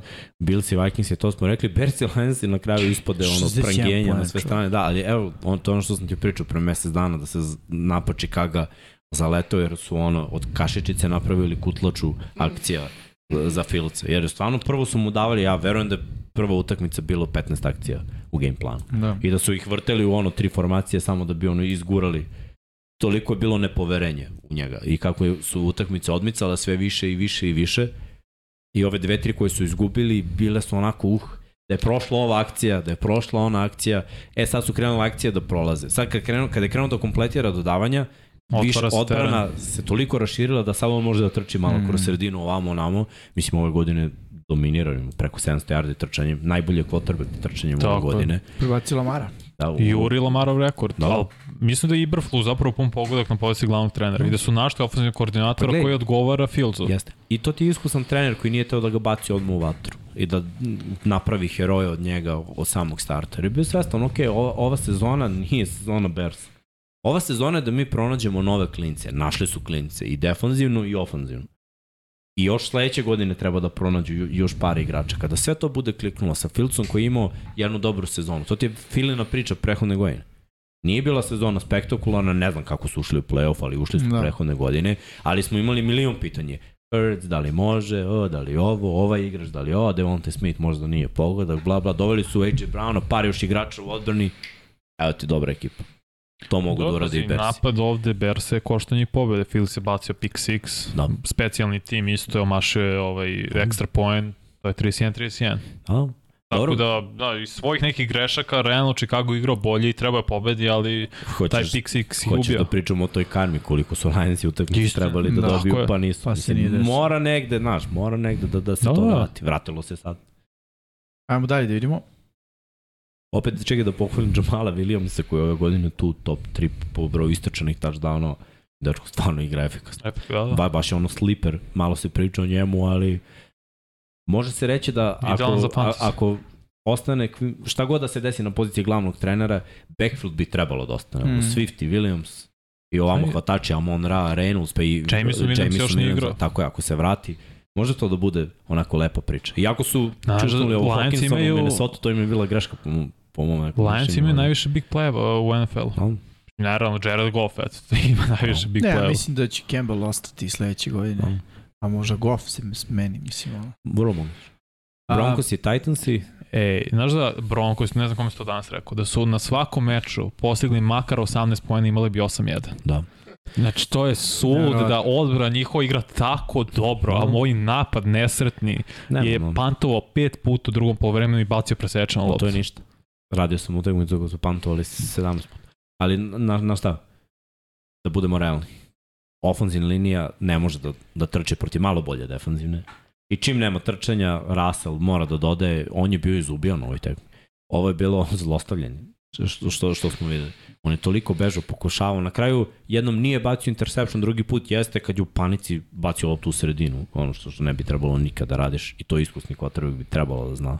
Plus Jeffrey Simmons nije igrao. Da, nije, za ba- deo, I ba- dosta baš dobar nije deo startera Tennessee ne, nije igrao, ni sinoć. Ali opet oni imaju tu kulturu, znaš, imaju tu fizikaliju. Zato u Denver ne možeš da veruješ, znaš, oni imaju dobru odbranu, ali nemaju nikakvu kulturu, ofanzivno kod njih to ne postoji. Tennessee to znaš, brate. Odbrana se igra jako i besno, napad se igra fizikalno na trčanje Da. i play action i to, to će uvek biti tako. Oni će možda dati 17, ali će gledati da protivnika svedu na, na ono 16. To smo pričali Jimmy ja prošle nedelje. Znači, da se ne mrdaju skoro sa 17. To je Da. neveo. Pa Sini su po- postigli najviše 18,7. poena. Pa Pa da. to im je prosek ove godine. Sini su postigli najviše poena u sezoni. Da. Da, Jaguars i Chiefs bilo je zanimljivo. Nije da nije. Mislim, videlo se da Chiefs kontrolišu meč, ali okej, okay, Jaxi su ono, imali ono... Podsjetilo na ono koja Fila protiv Houstona Thursday night. Ako s pola gasa, ono, malo dodaš Da. papu, što? Ne, ali znaš šta, kad vidiš onda neke akcije, tačno vidiš da je ekipa u potpunom rebuildu. I kad Darius Tony ide u motion i slota ovamo desno i ceo flow napada je na levo. I od heša do auta nema nikog, bre. Najveća separacija ove godine koja je bila od hvatača koji je uhvatio loptu do prvog defanzivnog igrača je bilo na toj tekmi, jer je Tony Blair u flat zoni sam. I Ja ove godine nisam vidio da neko toliko zaboravi šta koji god da je coverage, šta god da se igra, neverovatno mi je da likuje u motionu, znaš, Da. koji neko je morao da, Da, ga vidi da, da je otišao tamo, da. neko je morao da odreaguje i brat ostane tamo i o, kao Mahomes je bio u fazonu, čekaj, šta? ok. I ovaj je dao prvi touchdown u svojoj karijeri. I znaš šta, Andy Reid je taj lik, pričali smo o tome, ti treneri koji znaju da motivišu problematične igrače. Ako Tony bude, nekoliko je bilo brutalnih ruta hvatanja i taj touchdown, ako oni njega budu implementirali u ovaj playbook, dobili su ono sitniju, malo sporiju verziju Tyrika Hilla, ali Tony trči rute iz slota bolje nego Kad je Tyreek Stoni Hill. sitniji od Hila. Da, ma dobro, je- što je Hill prepuca, ne mislim niži, nego sitniji. Aha, Tyreek. Hill je ubica, brate. Da. Hill ima 90 nešto kila na, na 1,70 koliko? 6? Pet, šest. 5, 6, mislim, to je, Da. to je baš mnogo. E, Juju Smith-Schuster je dobio jeziv udarac. Ono To je sramota. jeziv. Ovo, to, to, to, ono, to, je ono uf. što sam ja rekao, licemerje NFL-a.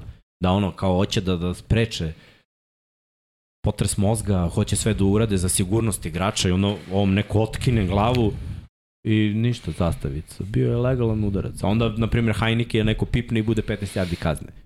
Licemerje, užas. Ja mislim da neće biti naravno dve nelje, eto Toniju prilika dobije što više lopti sad. Da. A dobro, Chiefs i gledaj, iskreno, meni su sada Chiefs broj 1 u AFC-u. Kada pogledam njihovu diviziju, gde imamo dve ekipe koje se raspadaju, nismo to očekivali pre početka sezone, očekivali Da. smo Raiders i Denver da budu konkurentni, a Chargers imaju toliko problema s povredama da ovaj, Jezivo. ovaj sad meč koji ide, to će biti Sunday night, Da. da, da i to može da bude onako lagan posao Mislim, za ja Chiefs. bih rekao toj diviziji da se tri ekipe raspade. Mislim, Da. da. svo dužno poštovanje. Pa Jeste, Chargers se raspadaju, ali Iz imaju drugih respektabilan razloga. skor. Pa imaju, mislim, ono, imaju ključni skor- igrač je tu, mislim, kao, Da da, kažeš Herbert ono- ne igra iz nekog bilo kog razloga, to je bio posto. A, tako je. i, to je Baš tako. jezivo. Ali opet, Chiefs imaju laganu priču da Da. osvoje diviziju, opet da uđu u play-off, imaju bolji skor. Znaš, ove druge ekipe će se klati do neke, Billsi će se klati u diviziji s Majamijem Da. i Chiefs tu mogu da isplevaju na, na, na sam vrh. Evo kad smo već kod Majamija, kako demonstracija sile. da. Tua, eto šta znači jedan odličan trener i oružje za mladog quarterbacka. Od dobrog quarterbacka tu igra odlično sada. I vidio se ono razmenu njega i Mike McDaniela, e, pošto su bili Mike, Mike tapovani. Pro, poredi prošlu godinu sa ovim, kako se zvao ta trener, Flores. Kako? Flores, prema Da. Flores. Nebo i zemlja. Pa da. Nebo i zemlja, znači tu nema što izgleda srećnije, e, ceo tim neko deluju napada, makar radosnija, igraju s tako neko efikasno, lagan futbal, da je to Vidi, neverovatno. re, reći ću ti jednu stvar, a, kada napad funkcioniše, atmosfera je bolja. To je definitivno. Sigurno. Zato što svi znaju da ono napad postiže poene, a ne odbrana. Ako ti igraš na konto da će odbrana da primi manje poene nego što ćeš ti da daš, onda realno Uvek nisi si tu, srećan. ali nisi tu. Tako je. Tako je. Je. E to sad, je bio Miami. Dve godine zaredno su tu, a nisu tu. Jeste. I napad ne može da napravi taj korak kad je najpotrebniji. I glavni trener je sad ofanzivni um, logično, kao i svaki glavni trener ima konekciju sa svojim quarterbackom. A, I, znaš, to su sve neke prirodne logične stvari. Kad je trener defanzivni um kao što je Flores bio, znaš, on je za tu bio samo ono, yes sir, yes sir. Da, Jer da. to je to. Vidiš ga na, na game dayu, na utakmici, par puta ono, imaš neke, mislim par puta, sad ja to, da kažem, manifestujem tako u svojoj glavi, ali sa njime imaš neke možda prolazne razgovore i to je to. Ne, nemaš neki, neki preterani blizak kontakt sa njim sveti OC. U ovoj situaciji je suprotno. Ovde Imaju odličan odnos. ti sve imaš sa, sa Dobar, njim. je- dobar je odnos, ali brate, identitet ekipe se promenio. Dolphinsi nisu trčali od Rikea Williams. Da. Sad, sad trče. Imaju, te, to su te šeme, to, to sam vam pričao, zašto meni, kad smo rekli da, da onaj očekivanja za Cleveland su bila velika, ali Cleveland je doveo zvezde, ok, Jarvis Landry i Odell Beckham. Odell Beckham dugo nije bio onako u vrhu NFL-a, Jarvis Landry je bio dobar slot, ali Tariq Hill je krem NFL-a. Mislim, on top 3 hvatač po učinku je uvek ono bio tu i, i ta brzina, to nešto što on posjeduje, to nema svako. I dodaš na to igru trčanje sa tim pulovima, sa, I sa onaj koji ima je u njegovoj ekipi. dobar tight end, dobar drugi hvatač koji s kojim imaš konekciju još od koleđa. Napravljeno je bilo nekako da uspe i, i ono, 39 poena, nije prvi put da daju mu utakmicu. Nije. Znaš, to, to je... Ne, baš je, do- la, dosta baš je lako izgledalo, stvarno. I, I njihov raspored je isto onako lakši. Jest. Vidjet ćemo šta će tu da se izdešava do, do, do To kraja predvodi sezone. ligu pasa ratingu. I blizu je dobar i Rodgersov rekord za jednu sezonu, što je, mislim, absurdno je stvarno to da mi neko rekao prošle godine će to da se desi, ne bi mu verovao. Da. Da. Ali sve pohvali za tu i po, pre svega za Mike McDaniel. Mislim da on treba uz O'Connora bude najveći kandidat za trenera godine. I pohvali GM-u za dovođenje Terika Hilla, znaš, jer su safety Mhm. toliko daleko da sad može lako da se bunari u tu međuzonu. Sad, lakše je quarterbacku da ima dobar rating kad su safety 30 yardi off, a Da. moraju da budu 30 yardi off da ne bi bili sprženi. Ravensi nisu igrali 30 yardi off i bili su sprženi četiri fejda. I onda je ostatak lige gledao i rekao, ok, povuci se. Da. Uh, Giantsi protiv Texansa, Giantsi pobedili 24 prema 6. Mislim, očekivano, Texans Ma da. da. zaista ne pokazuju neke znake Sekon Barkley je. Posle ovog kola imao najviše yardi od running backova, 150, sad je da. Derrick Henry sinuć istrčao da ima preko 1000, ali ovo je vrhunska sezona Sekuana Barkley, konačno se vratio. Mislim, mislim da je to Eto Giantsi. opet. Dable. Ako on bude igrao do kraja ove sezone, oni idu u playoff, koliko mogu u playoffu, sve će zavisiti od Barkleya. Pro, sad za Thanksgiving protiv Dallasa, bukvalno daj mu loptu. Da. Da. Ono, daj neka trči. Sad ima 35 nošenja. Treba da ima 35. Ne, samo da da ga- dve godine. Samo da ga ono, bolji. Da, jeste. Pa, ne, šta, ne dovedu do povrede, znaš. Mnogo je 35 nošenja, nego drži ga da. oko 25 i neki ima još 4-5 hvatanja. Nemoj, smatra će opet će da se povredi.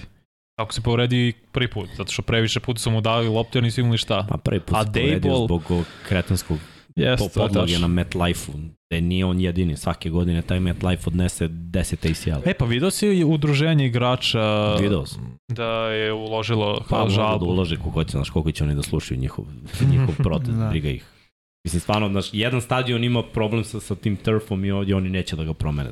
Da. Neverovatni su. A kao brinemo se o zdravlju igrača. Da, Da, da.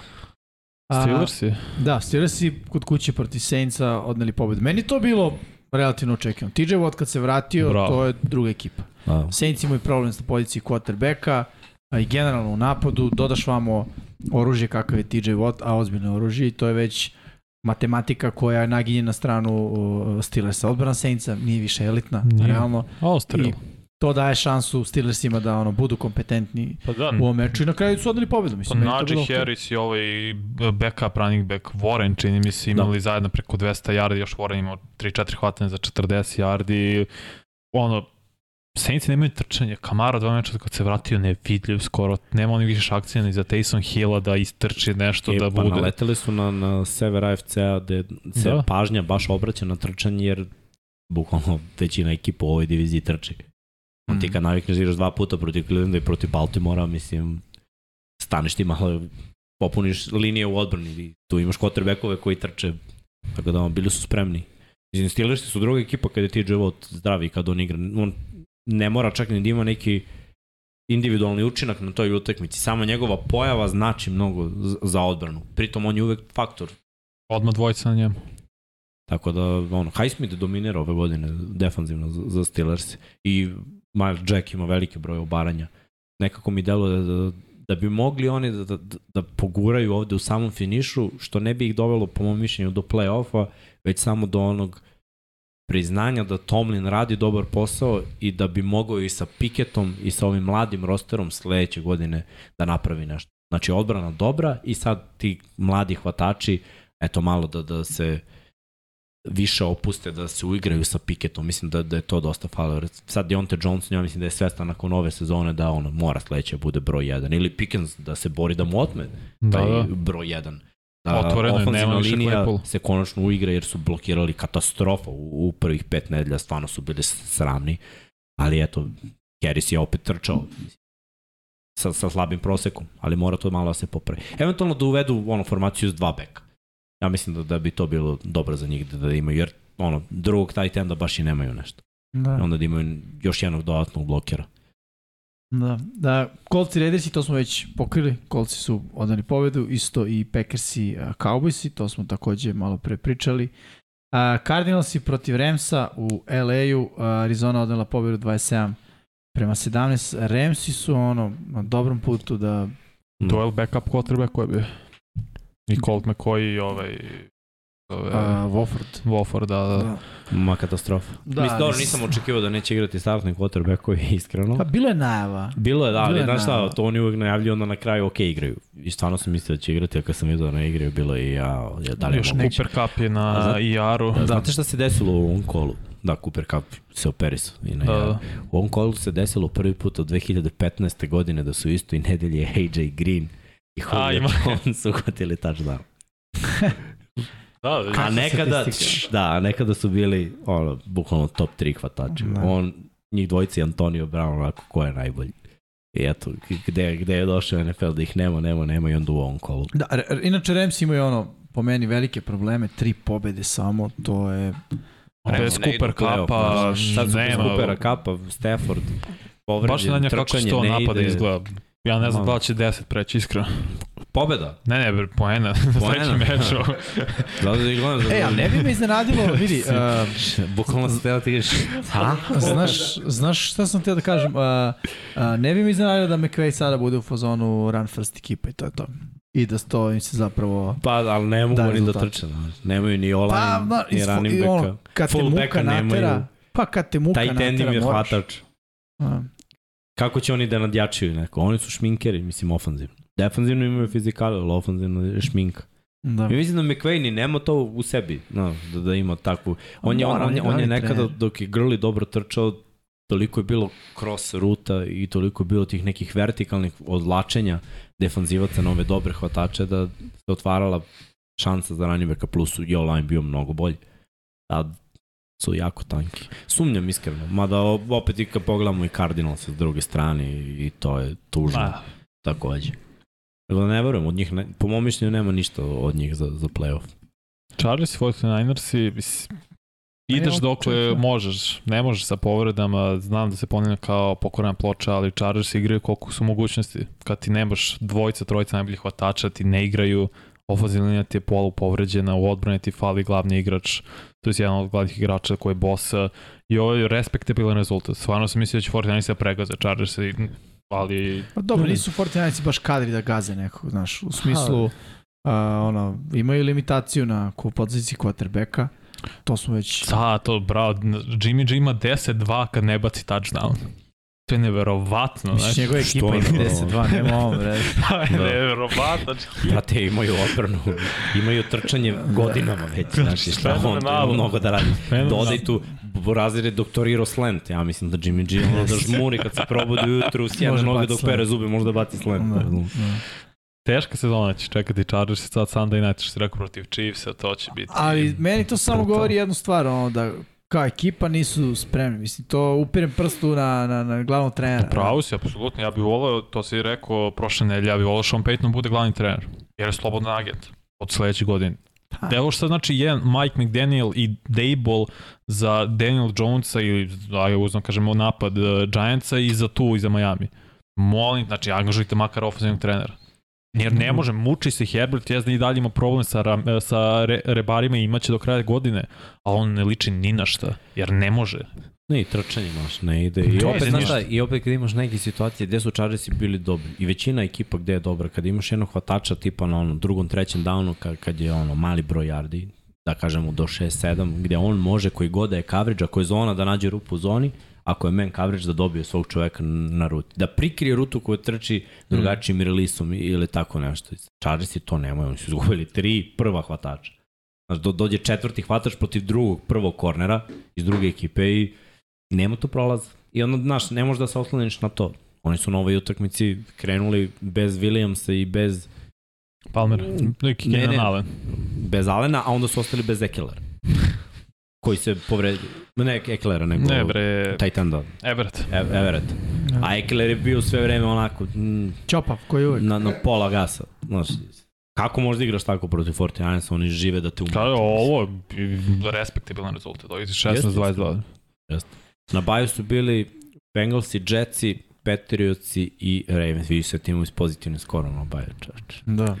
Ne dešava se to često. Ne dešava se stalno. Ajde ovaj... Ajmo ajde da naše prođemo to. naše- Heroje. heroje. Mi ćemo od njih da krenemo. Ajde, krenemo njih. Meni je JJ. Mislim da je jednostavno Rest my case. 193 beše yardi. Brutal. Uh, ono hvatanje kandidat za potez sezone. Mislim da nema potrebe dalje da ovaj, ubeđujem. Pa da, meni Barkley 152 yarda, nošenjem touchdown, motor tog napada Giants. Dok on bude išao i ići i Giants. Meni je Terry McLaurin jer je opravdu kintu i, i stvarno je stvarno je odigrao ovo kolo. To su bile te situacije, ajde da kažemo da je sad konačno imao, gde god da je otišao i na levu i na desnu stranu imao je dva vrhunska cornerbacka i Kajnik je davao lopte koje nisu uvek bile onako Mm. vrhunske, ali bilo je par, onaj fade je bio vrhunska lopta, ali opet je Terry morao da, da, da otima loptu i da krade i da nije bilo, jesu trčanja radila posao, ali da nije na trećem downu bilo tih njegovih krucijalnih hvatanja, ne, ne bi ova zimnica bila ovde sada. Da, i Srki je izabrao Washington Commanders kao celu ekipu. Ja se slažem, baš je bio timski ono napor od trenera preko svakog igrača, svakog pojedinca, čak i sudija, ali neće sada hejta. Da. Šal na stranu. Uh, zasluženo su Commandersi stvarno odneli tu pobedu i ko što rekoh, na svim nivoima bili bolji od Eaglesa. Imali više od tih lopti, uh, napad radio stvari koje prolaze i ono, ima smisla za heroja. Ajde da imamo džokere. Meni su kolci. Sad dvojim se među Jeffa Saturdaja ili, ili cele ekipe kolca, ali uh, ipak je to ono timski napor. Znaš, promeni se trener i to bude priča koja jeste, dođe neko ko je u medijima osporavan, upitan, da li može, ne može, ok, NFL iskustvo kao igrač, ali dolaziš nula dana trenerskog iskustva u NFL-u i pobede za njega ili sa njim ili uz njega, kako god to da kažemo, ali kolci i taj, i taj eh, timski napor mi je bio džoker, jer moram priznati da nisam video. Bio sam u fazonu, čak mi se čini, Vanja sam to rekao prošle nedelje, kad smo pričali Da. da. kao da li mogu kolce povede, rekao, "Ps, nije Idemo bajka. kolci pre. Šta? Idemo kolci. Da, o, nije ovo bajka sa kao povede kolci, ko, koja priča, ali Viš da radi tvoja teorija, da, brate. da, Pepeljugica. Ne radi dok ja ne izaberem, bro. Onda magično prestane da radi. E, meni je Christian Watson, mislim, ruki hvatač Green Bay-a, tri touchdowna ukotio preko 100 yardi napokon i sa svojim predispozicijama ima 193, čini mi se brz, jak, No, no, eksplozivno, on on može brzo, bude da. ozbiljan hvatač, samo da sve to spoji neko, sve te njegove fizičke predispozicije na teren da popravi ruke, jer mnogo ispuštenih lopti. Yes. Mnogo, mnogo. Ako to uspe popravi, bit će opasan hvatač. Dajem mu to što je brzo. Meni je Brian Robinson. Mislim, o, ove nedelje nije to sad neka imponzantna statistika, ali držao je filu na petama celu utakmicu. Oteo je prvo Gibsonu u poziciju startnog running backa, a, a Gibson je igrao dobro. Jedina razlika što Gibson fambluje, a Robinson ne fambluje, pritom mnogo odlučnije kreće u sredinu. Dok Gibson pleše levo desno i teže da, da gađa s polja neku veliku livadu za veliki broj yardi. Robinson ono vidi 4 yarde napred i to ako se sudari sa, sa dvojicom nema problema da uradi to. Stva- Stvarno je bilo potrebno demonstrirati Filadelfiji koja je fizikalna ekipa, fizikali i on je uspeo u tome. Mislim da da redko ko može da, da uspe u tome. Zato je on moj džoker. E, mislim da je srđeno Rached White, ovaj running back Tampe, Joker, čini mi se. Jer sam pisao R. White, pa kapiram da je mislio na njega ni nema više rodni White. Da, nema, nema ni Reggie. White-a. da. Već Da, nekoliko penzija je, penzija je davno. Dobro da, momak je odigrao jako dobro. On, ti si to miksa već izdvojio kad smo pričali o tom Da. meču. I ono, može da bude osveženje za, za Tampu. To je čisto Pravi izbor, onako, pravi izbor reči, brate. da, Osveženje. da, da, da onako ukaže na još jednu tu stvar, ono, da ipak ne treba se odustaje od igre trčanjem i da imaju kapacitet i mogućnost da budu dobri na tome. E sad vidjet ćemo šta će dalje da bude, ali da, ove nedelje je iznenađenje. Mislim, niko to nije vidio. E, ajmo pričamo malo o negativnim stvarima. Dallas Cowboys. Nije zato što su divizijski rivali Philadelphia, ali meni je ono stvarno bilo sramotno. moram priznati da nisam gledao utakmicu u fullu, pratio sam highlighte i gledam highlighte i ono ostalo je 3 minute do kraja, ja kažem kako je ovo Green Bay pobedio, meni ovo nije jasno. I onda, McCarthy je konačno Bukvalno. uspeo da pomogne Green Bayu da dođe do pobjede. da, A, upravo tako i onda prosto sam rekao ok, ono, ovo, ovo, ovo je tragedija stvarno, ovo je jako bez veze i ružno i zato su mi tragične nedelje. Još su imali prvi loptu po produžetku. I ona je odluka za četvrti down i čudna akcija. Mislim, baš upravo si McCarthy je kriv, još Dallas koji dobio 195 mečeva za redom kad je vodio 14 pojene razlike u četvrte četvrtini, fenomenalno. Sve što je lepo ima kraj. Ima, ali ne znam da li će biti kraj za napad Denvera koji opet se muči. Opet, mislim, ti si rekao da si video više, ali u drugom polovremenu pet i presečena i mučenje. Ja, ja spomenuo da Igrali samo su gore utakmicu. 18 poena. Na svakom meču ti imaš 8-1, ali pošto nisi Um. sposoban i za to, onda si tragičar. Teško se postiže sam. Aj bre, 14 pojena za njih. Izazov. Meni je odbrana od Raiders, jer ovo je sramota. Ryan, kad, kada postane Lamar Jackson protiv tebe, to znači nešto mora promeniš, definitivno. A do tada si tragičar. Da, Srkio je Josh Allen. Uh, pričali smo o tome. Forsiranje, ima dva interseptiona, ima fumble i to već nije kao slučajno, nije ovo prvi put ove nedelje, dešava se to već cele sezone, tako da mogu da, da vidim um, zašto ga je Srki izabrao za tragičar. Mislim, kraj dana njegova ekipa Ja sam izgubila. teo da ga izaberem za tragičar, iskreno. Zato što je igrao, ono, mi gledamo uvek highlight, da je dobro bilo. Bilo je mnogo loših odluka, bunarenja, ne, nekih dodavanja koji su bila loši, na kraju tri izgubljene lopte, fambluješ, sneak na svoj gol liniji za pobedu. Samo to je dovoljno da budeš Da. tragičar. Znači, bez interseptiona koje si bacao Petersonu u ruke. Ali ono, Da zvuči čudno, ali stvarno je bilo snik na sobstvenoj gol liniji za pobedu. Znaš kao, ne da daš touchdown, nego samo da ne da budeš izađeš, da ne bude safety, da safety ili da ne bude touchdown. tam bi. A bio je. Ok, Užas. ajmo da pričamo o nedelji broj 11 i o onome što nas čeka. Nešto je... A, ćemo prvo prognozama, a? pa da, Dobro, ajde. Ok, ja sam Odvojimo malo ih. požurio. odvojimo ih za ovu Ajde da vidimo, nedelju. da, prognoze za nedelju broj 10, uh, šta smo uradili, kakvi smo bili mi, E, loši smo bili, iskreno. kakvi ste bili i vi. Tako je. Mislim, svi bili Uh, loši i Runner Pool isto. Mi, vi, oni, oni, avioni. Evo, kako je crveno, sve ovo je fenomenalno. Jedino Srki ovaj, se zeleni. Atlanta, Karolina, svi smo birali Atlantu osim Srkija, koji je izabrao Karolinu i pogodio. Seattle, Tampa Bay, Vanja, Miksa i ja birali Seattle, Zato došla sedimo Tampa. A, Minnesota, Buffalo, Vanja i ja smo birali Minnesota. A, Miksa, Srki, Veliki Srki i Pablo Buffalo i nisu bili u pravu. Da budem iskada sam birao Minnesota u momentu kad sam mislio da Josh Allen neće igrati. Tako da, Ja sam bio regardless, bukvalno, ono, i izvukli me na kraju. Da, Detroit, Chicago, svi smo izabrali Chicago i Detroit nas je za jedan poen um, Krivim kikera. preveslao, Chicago za e, tako da kažem. E. Opa, svi tačno, sve, Denver. idemo dalje. Ne Denver. mora, svi tačno, sve, idemo dalje. Denver, Tennessee, svi smo birali Tennessee, Jacksonville, Kansas City, svi birali Kansas City, Cleveland, Miami, svi birali Miami, Houston Giants, svi birali Giants i svi pogodili ceo, ceo ovaj, Prelepo. uh, kadar. Ali zato sad ide malo drugačije. New Orleans protiv Pittsburgha, Miksa bilo New Orleans, mi svi ostali Pittsburgh, Miksa nije bio u pravu. Indianapolis protiv Vegasa, uh, Vanja izabrao Indianapolis, mi ostali Vegas. Živeo Jeff Vanja. Saturday. Jeff Sunday.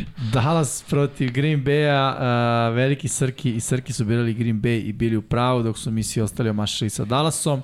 Arizona Ramsi, niko nije pogodio, svi smo izabrali Ramse, ali se Arizona ipak na kraju smela poslednja. Chargersi protiv 49ersa, opet je Vanja bio usamljen, birao Chargerse, ali ovoga puta je izabrao u svoje. pogrešnu stranu. I Washington protiv File, svi smo izabrali Filu, niko nije pogodio, već smo rekli Cincy, Jetsi, New England i Baltimore su bili na baju. Ajde imamo kako izgledamo a, nakon ne, desete nedelje. Vanja prvi, bravo Vanja, 95 pogoraka, 55 Pa nije, promašaja. izjednačeni smo bro, od sinoć. To nismo samo uračunali Do, nema veze, to ćemo sledeće nedelje. Sa 63,33% uspešnosti, a na drugom mestu sam ja, 94 pogoraka, 56 promašaja, 62,67%. Treće mesto Srđan Erceg, kakav skok, odnosno na prošlu godinu, 92 pogotka, 58 promašaja, 61,33%. Četvrto mesto dele Miksa i Don Pablo, 85 pogoraka, 65 promašaja, 56,67%. I na šestom mestu, ne na poslednje, nego na šestom, Veliki Srki sa 80 pogoraka, 70 promašaja, a 53,33% uspešnosti. Aj sad da vidimo gde smo mi, a gde ste vi ljudi. A, prvi 10 izgleda ovako ili ti prvih 8. a, prvo mesto Bata, 98 pogoraka, 52 promašaja, bravo. Vanja a, i Vuk 93 de, a, dele drugo mesto sa 97 pogoraka, 53 promašaja. A, Bolinks 87, a, Johnny RV, Mrki i Simeon dele četvrtu poziciju sa 96 pogoraka, 54 promašaja. I onda osmo mesto imamo na više, uh, raspodeljeno na više ljudi. Andro Kolar, Boban, Gangula Lagano, Ika Car, MT5, Sava Dugi, svi imaju po 95 pogoraka i 55 a, promašaja. Gde smo mi ostali? Vanja je drugi, bravo Vanja, ja sam 21. Miksa 53. Velike Srke 89. Erceg, kako oliko loš ne bira verovatno, nego mu sam sistem bira. Moguće. 214. i Don Pablo u samom, eh, pri samom dnu, 531. od 714, ako se ne varam. A, tako da, hvala ljudi što se igrate sa nama. A, jako ste dobri, videli smo. Vanja je jedini ovde od nas koji je u top 10, ali nije još gotova sezona. Nije daleko šanse. toga. Ja sam bio, čini mi se, u top Posle 10. ovoga Ja sam bio top 6. Ova nedelja je bila fail, brat. Jest, Ovo je baš bila fail. jest. Ajmo gledamo sledeću nedelju. Sad. Nedelja broj 11. Može. Ajmo, šta god. Može, pucaj, mi krenemo s tim spremni. učenjem. Znamo sve. Spremili smo se za gradivo. Tennessee protiv Packers. Da, ovo je Thursday night. Uh, sinoć se igralo. Uh, Titansi su odneli pobjedu 27 prema 17. Mislim, meni je ovo bilo iskreno očekivano. Ne vidim kako odbrana Green Bay može da zaustavi Derika Henrya. Pa da je okej, mislim. 87 yardi, da, je istračao. Ali dva, ono, 28 nošenja, jedan touchdown, međutim, bacio je jedan touchdown. Da, ona je iz, u end zone, Znaš za zašto je Titan. bacio touchdown? Zašto je deset igrača bilo na liniji Da, skrimaža. da. I onda ti deluje da Derrick Henry nije imao impact na utakmici. Brate, sve ove jarde Rajana Tenihila su zato što je osam igrača bilo u boksu. Burks imao preko 100 yardi zato što je imao jedan na jedan situaciju Konstantno. ono konstantno duboko jer, jer su svi bili u boksu. Mm. I svaki put, ov, znači nije Derrick Henry imao breakout trčanje, zato je imao 87 yardi. Tako je. Ali kada god je bio ono short, situacioni futbol, mali broj yardi, to je bila lag. Jednom nisu uzeli kad su bili unutar crvene zone, tu su se kockali, ali to je bilo unutar 10 i tu je Green Bay uspeo da zaustavi, Walker je odradio sjajan posao, dobio uh, down block fullbacka koji je bio na poziciji tight enda u backfieldu, napravio tackle, ali onda Green Bay 1, 2, 3 punt i dobili su touchdown. Da. Da. A ja opet nema, nema igre trčanja kod Green Bay, znači neverovatno da pre 5 dana si imao 200 yardi trčanjem i ti. Protiv Dallasa, Vanja, ne može, brate. Probali su, nije da nisu probali. Probali su Znaš šta? 18 puta, brate. Vanja imali su tri napada u prvom polovremenu. Znam. U drugoj četvrtini, znaš koliko su imali poseda? Jedan. Ne, ne, ne, u minutima. A. Minut i 35 sekundi. Aju. Od 15. Da. Kako ti očekuješ da za minut i 35 trčiš? Ne može. A znaš zašto su imali toliko? Zato što je tenis i krenuo da davi. I ceo napad im je bio, znači ceo teren, pa taj četvrti i Green Bay unutar 5 yardi, mislim, propusti ti tu da trčiš. 1, 2, 3, ništa. Pantuješ im loptu, oni uzmu loptu na pola terena i ugnjave ti do kraja četvrtine, bukvalno. Nisu mogli da nisu mogli nikako da se bore sa trčanjem I opet Tenehill je koristio. Prvo u crvenoj zoni Tenehill je bio toliko siguran da je to zastrašujući. Nje- Njegovi ridovi su, bili savršeni. Bukvalno pa je je sve što ono- je bilo potrebno. Pra, uh, istinski Ryan Tannehill, ono, nemaš pojma kako će izađe na teren. Mislim, možda bude dobar, možda ne bude dobar. Da. Uh, U ali, crvenoj zoni, gledaj, od njega kad tražiš da ti od 20 do 20 dodaje i da nije play action, piši propalo, nema toga Mm. ništa. Ali ako je play action i u crvenoj zoni mu daš da dodaje, on, ovo dva dodavanja za Hoopera su bila fantastična. Da. i opet neki progres Ridova kako da odlučuje kome da baci i, i cela ofanzivna šema nadigrali su Green Bay koji opet je imao neku šansu kao ako uzmemo u obzir koliko su manje bili ofanzivno na terenu jer ti kad imaš tri drajva u polovremenu nemaš nikakav ritam, šta ti tu možeš da uradi, nisi se ni zaleteo, a od ta dva, dva, od ta tri su bila tri out. Mm. Prvi i, i poslednji. Što vidio sam dosta omaš Rodgersa u dodavanju, što se ne viđa često. Baš sam Ne vidio dobijaju- neko ne dobijaju ono, rute. Znaš, ne dobijaju rute. I ove, ove nedelje je baš bilo Kobe je dobio dve, tri, Watson je dobio kad je dao touchdown, ali Lazard imao 11 targeta, brate, ništa nije uhvatio. I s- bilo je ruta gde je on stao na pola, gde se tu nešto gurkao, da je pokušavao da iznudi pass interference umesto da, da napravi loptu. Šta ti to govori kad hvatač ima 11 targeta, a tipa 4 hvatanje ili, ili 5? Ono, forsiranje da bude broj 1. Zašto? Zato što protiv Tene, Tenes je fizikalna ekipa. Oni imaju dva dobra linebackera koji stoje u sredini, Long jedan od njih koji pozove akciju kako treba. Defanzivna linija u principu odradi svoj posao, vrše jak pritisak. Dok igrao da Niko Otri, on i Simons i on spuste, spuste toliko težište na liniju skrimidža da Green Bay ne može da izađe na kraj s njima. Bilo, bilo je jako teško da se izađe na kraj s njima. Nisu igrali Packersi sa fullbackom i dva tight enda protiv Titans. I da jesu, mislim da ne bi izašli s njima, jer bi se spustio Bayard, jer bi se spu, spustio neko od defanzivnih bekova. Samo su ih izmaltretirali. Green Bay ovde mogao da dobije na finesu, nije bio toliko loš game plan. Ali ti kad vidiš hvatača da ono, treći je down ili četvrti, on ima fade i, stane posle 20 yardi, on volio bi da imamo ovde izraz lica Aaron Rodgersa, jer on, ono govori više od svega, ta frustracija. Samo mu fali neko ko će da napravi play kada je to potrebno. Mm. Ne možeš ti očekuješ od ruke, a on je uhvatio dva touchdowna na ovoj utakmici, imao 50 yardi, ne možeš ti od njega očekuješ da bude Devon Adams. Isto. Mnogo se Rodgers navikao na to, znaš. A tenis je ta ekipa, ja, ja, ja njih ne volim da gledam. Oni igraju jako dosadan futbol za moj ukus. Ali kad analiziraš akcije, da uzmeš te šeme, blokiranje i sve to, jako fizikalno i dobro i mora da bude uspešno. Da, pa to ono, bend but don't break odbrana Mm.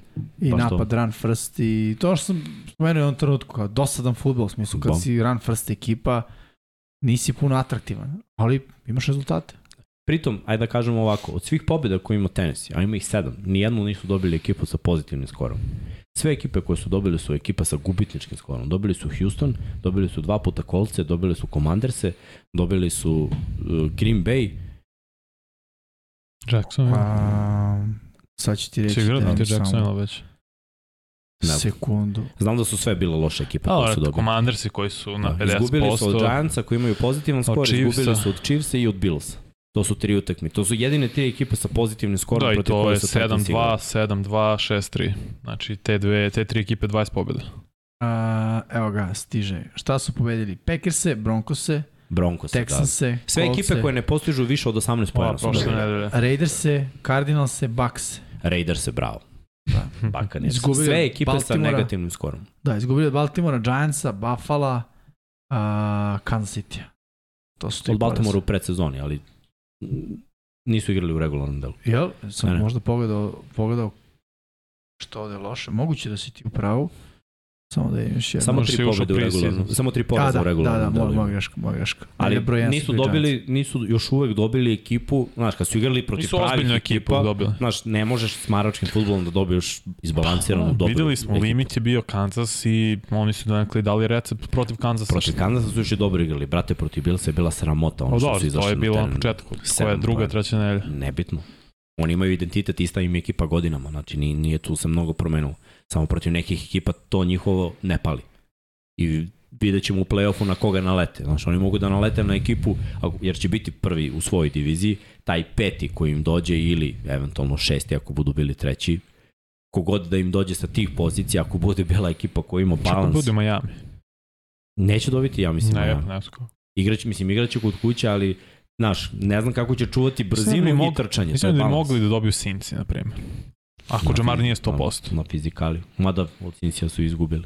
Ko zna, vidjet ću. Sve u svemu, da mi nastavimo. Da, da, da. ne javljamo. To je te Daj onaj meč. Srki, što se već pustio, pa, eh, hvala. Jets, Patriots. Patriots. Jako bitan meč za Mm. diviziju, jako bitan meč za AFC. I na kraju dana, jako bitan meč da vidimo jednu i drugu ekipu. Po meni ono, Jets su dobili Billse, svaka čast. Ono što, sa čime ja imam problem Mhm. kada pričamo o Jetsima, to je konzistentnost. Ne kažem da je u šest pobjeda a, nije dovoljno, ali toliko godina lošeg futbala da ja ne mogu nakon ono 10 nedelja i šest po, pobjeda da kažem to je to. Već su izgubili od Patriota. I Da, tad je Wilson bacio tri presečne. Da. Da. već su izgubili, to je tačno, međutim je tad se malo game plan Jetsa promenio, ono, Wilson i, i baca manje, više trče. E sad šta je tu malo problem, što Patrioti igraju isto taj dosadan futbal, ono, trčanje, umaranje Mhm. odbrane, ubijanje svake volje i želje za, za futbalom protivnika. I to ovde može da bude rezultat. Jetsi su mlada ekipa, znaš. Ja ovde ne verujem da će recimo Sos Gardner da ima pune ruke posla, jer ono, kome će da baca loptu. Pa neće i plaši se da će biti meč sličan kao prvom, gde je Mac Jones bio sekund šest puta. Jer da mu to bio prvi meč da se vrati nakon povrede i razlika u meču što nema Brice Halla za, za Jets. To je velika I razlika. to je, mislim, ključ zašto nagnjen ka tome da će Patrioti da pobede. Oni će konstantno da umaraju sa više trkača, jer to stalno rade, a Mac Jones nadam se da će izgledati malo bolje. Jer pitanje je sada koji je njegov limit kad nema Josh McDaniel I više. Patriotsi bolje rašaju. Mislim i ove godine Judom prevodi liku po broju sekova i kad uzmeš u obzir da Bill uvek ima neki spreman plan i drugačiji koncept za mlade quarterbackove, a Wilson je mlad quarterback koji još uvek nije vidio baš svaki front, svaki stand, Da, da, svaku šemu, to može da bude ono i prikrivanje coverage-a u ostalom što isto Patriotsi mogu vrlo dobro da urade. To, to može da bude zanimljivo. Plus igra na Gillette stadionu. Vrlo Tako lako da može onaj- bude obe ekipe ispod 20 poena, da Jetsi ono Mhm. kubure. Ja, ja nekako verujem u onu priču, pazi, ne mogu, Billsi jesu stariji brat, ali od pre dve godine, to ono, stariji brat, al, al, al za malo, a Patriotsi su oni stariji brat koji može ti bude tric. On je E, večiti stariji da. brat, kog ne možeš ni da nikad budeš veći ni jači od njega Da. jer je stariji od te 15 A i kad budeš godina. jači, kad možeš, onda ti glupo jer je mnogo stariji. Da, da, da. to je to, to je Tako to. da, to me zanima da vidim, da li će se desi. Ako E, se mislim da desi, će- stvarno, bravo, Jetsi, ova godina Da. je vaša. Ali mislim da će biti odličan futbol. I Isto. ti si Vanja rekao do 20 poena, Obe mislim, ekipe. da, ukupno, Ne, ne, obe ekipe će po 20. po, ispod, dakle, po 20 ispod Da, da, toga. mislim- Mislim, prvi meč je bio 22-17, tako da, ono, Duel ne. dve odbrane i Mhm. duel uh, dva trčanja u napadu, kao filozofija. Što Futbol može od da pre 20 rezultira... godina. Hm? Futbol od pre 20 godina. Pa da, što u suštini može da rezultira uh, tome i možda i jesi u pravu, ono, po, po dva touchdowna za obe ekipe uz neke field golove. Ne sam njemu tu kvalitet futbala uopšte. Mislim da će biti uh, za prave obožavaoci futbola sjajan meč, da gledaju dve odlične odbrane, dva odlična defanzivna uma i igra trčanja konstantno. I ko će koga prvo da slomi. Ok, Ajmo dalje. cool. Ajmo dalje. Uh, Panthersi protiv Ravens. Ja sam insistirao za ovaj meč. Dobro, ajde, vi se smete, ali ajde da vidimo sledeći petak. Ovaj, I jesi birao vidjet Karolinu, sledeći Šta? petak. Šta? Hoćeš da vidiš posle. Ali... Ako Baker šta?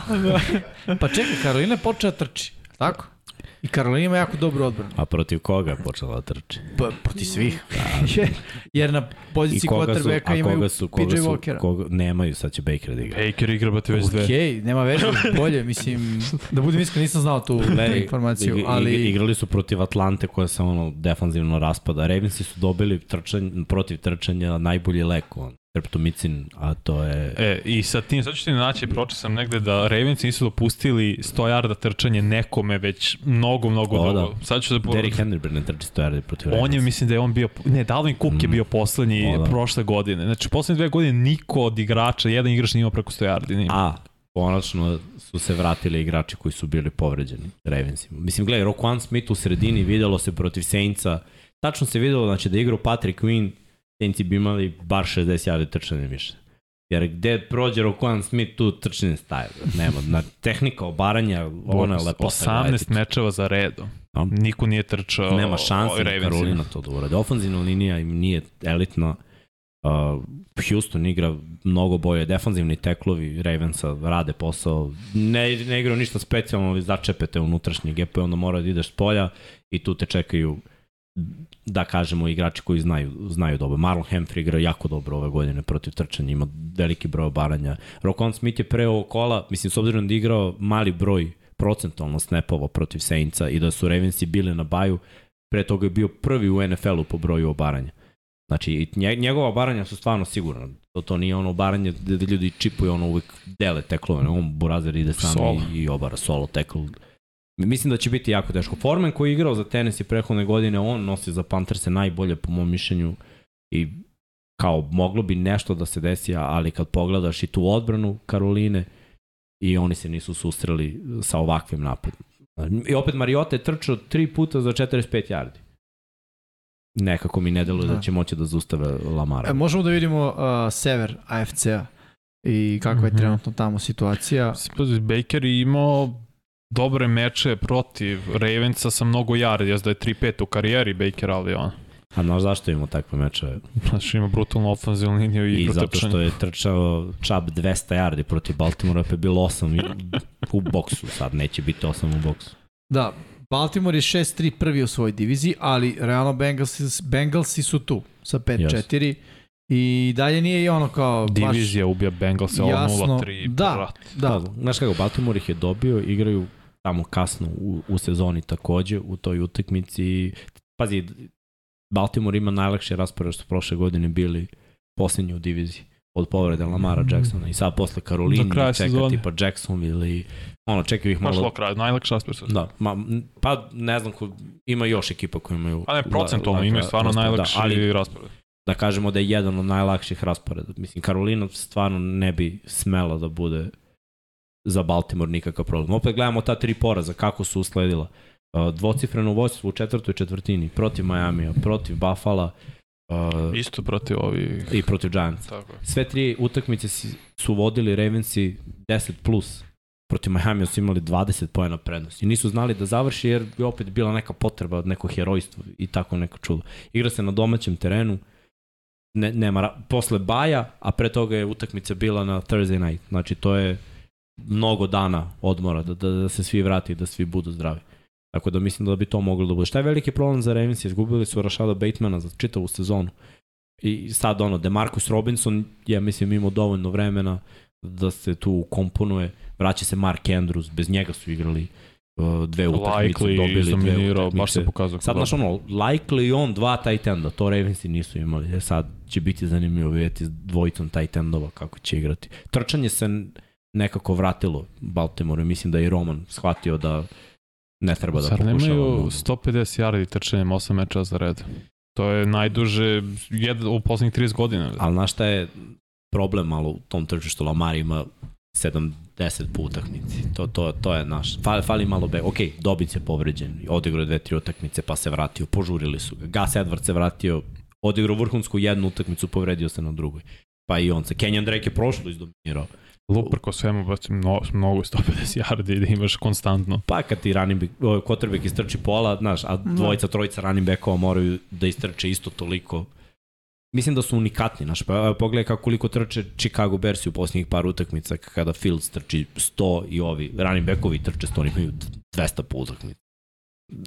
Mislim da su shvatili načina koji mogu da pobede. Sad ako ekipe skupe u boks, tu je prilika da Lamar Jackson pokaže kako može da dodaje. Jer Da. ima, ima promašaj, na svakoj utakmici ima nekoliko promašenih touchdownova gde bi Ravensi mogli da, da ono kao oni MVP sezoni rešavaju ekipe bez problema. Ali Lamar baš promašuje. da li očekujete blowout? Ne. Ne, Mm. Ravensi nisu sposobni za blowout. Ove godine sve utakmice su, možda oni vode, čak i protiv Jetsa nije bio blowout, jer su Jetsi u prvom polovremenu bili tu. I Ravensi kad povedu dva touchdowna razlike, nekako do kraja samo privedu utakmicu kraja. Ne, nema tu. Pa granica je, misli, granica je u Americi 13 pojena. Da li je realno da bude, mislim da će biti To je oko samo 10. ako failuju Panthersi, oni moraju baš da failuju Da, da, da. da, bi se to desilo. Ali nisam siguran. Znaš, imaju oni elemenata da postignu neke poene. Ne verujem da, da, da će ih Ravensi zatvoriti skroz. Ali sad tu da se nešto povampire i da bude utakmica gde Baker baca 300 yardi i da se trči. 100, to nema šanse. To ne može da se desiti, tu se slažem. Ali mislim da ono eventualno trčanjem i o, ubijanjem malo vremena pre svega i limitiranjem uh, napada Baltimora vremenom koliko će provesti na terenu. Panthersi mogu da imaju šansu da namuče Ravens. Ja ne mogu da im pobedu Karoline, da budem iskren. Ali, no, ono, ekipa koja promeni glavnog trenera u sred sezone i Mhm. ima priču kako imaju oni, je opasna ekipa. Jeste. Gledaj, promenili su neke stvari. Samo ja mislim da Baker Mayfield igra slabije od PJ Walkera ove sezone i da je vidjeli ta kako po- povreda PJ Bez Walkera povreda. kacige se sudara sa svojom, to Pa, mi ne razumem. Pokuša da ostane u centru neke pažnje, Pa ne, znaš. znam, možda snimi neke reklame opet. Mislim, nemam pojma. E, bio je neko i Heisman reklami, baš je dobro reklama. Sam. Iskreno, Dobro, okej. a Tu mora ga stavio, dobio Heisman. Pa da, nema Mogu se Baker, da nije. najgori u QBR u procentu uspešnih dodavanja, igra kao najgori quarterback, najgori startni quarterback, ali mislim da je ovo Ne, znam- mislim, ne znam da li će Baker dobiti priliku sledeće godine negde bude starter, iskreno. Ja mu ne bih dao šansu. Ne, ili se ako se Pa, nešto, što ti kaže, ne povampiri i ne odigra Houston. poslednjih se, ma kako. Ma Ne, ne, ne. Houston nikako. Draftuj, mora. Ne, ne, ok, draft, da li, da, da li mogu da draftuju i da odmah ubace neku? Pa ne, unutra? bude Mills, šta ti imaš, de facto, ono. Pa ne, neko. mislim kao pojačaš malo konkurenciju, Mislim da je. Baker nešto slično Kemu prevelika ličnost da bude backup. ali mislim Is- da nije, možda u njegovoj glavi, ali u realnosti Pa nije. ne, pa da. Pa i Kemu svoj Kem je došao Super Bola, mislim, nema se zezamo. Tada, Ima- ne, ne, jeste, jeste, ali toga je pad bio... Sve okej, Jesi ali, znaš, sam gledao neki podcast pre neki dan. A, da. Ono i dalje misli da, da može lagano bude starter u polovini ekipa Da, da. u NFL-u. Što je problem u glavi, ja mislim da vratno misli da može bude starter u Tampi, ono, Sulud, Bradyjem, sulud. znaš. Problem je u glavi. Pik prve, prvi pik na draftu i sve imao je neki uspeh iz Bakera, ali ja ne znam, sad ne vidim sledeće godine neku ekipu se onako, da je Frank Ja- ja- Reich tu u kolcima, pa i to bi čak i možda bilo ali ovako, ma kako, ne. Možda Frank Reich dobije posao kao pozivni koordinator. u Karolini, kao glavni trener i zadrži. Bolest. Ajmo- ajmo dalje. Ajmo dalje da vidimo šta smo još izdvojili. Uh. Chiefs i Chargers i obi prošli, preprošle godine je bilo Top. vatromet. I na početku sezone je bilo, Da. Bila je super tekma ova Bila prva u sezoni, ali sad ova druga E, neće biti jer... postoje šanse da igra da i Keenan treniraju. Allen i Mike Da. Williams. Ali, Mm. Postoje. šta, pitanje je koliko se to Chargersima isplati. Sa ovim svim drugim povredama. Da. Mislim, vidjet ćemo. Ja bih volao stvarno da igraju, radit ću ovu utakmicu i volao bih da bude egal, ne bih volao da bude blowout. A, ali Chiefsi su sad ušli njihov mod. Jes, to, to me najviše I plaši. ono, znaš, ja, ja baš nisam verovao ove godine da će oni krenuti tako dobro, ali krenuli su dobro i sad ulaze u njihov mod, samo oni znaju kako se igra u, u tom u toj sredini sezona. Znači, novembar, decembar, to, to je ono njihovo. I septembar njihov, da se razumemo. I da, znači, bukvalno ako failuju, failuju u oktobru. Da, da. To im je mesec, Znaš, Znaš, ali ovo ostalo je dominacija. Mahomes nije izgubio u gostima u diviziji 13 mečeva za red. No, neće ni sad. Neće ni sad, a Chiefsi u od Chargersa u, u LA-u, to je San Diego u LA-u, to je Kaliforniji izgubili 2013. Tako da stvarno ne znam. vreme je da ti- Jel? da. Da, volao bi, volao bi stvarno, ali previše povreda, povreda, na obe strane lopte, mislim, ne možeš da izneseš to. I Chiefs imaju tu sreću, znači imaju mlad secondary gde su klinci, ali su zdravi.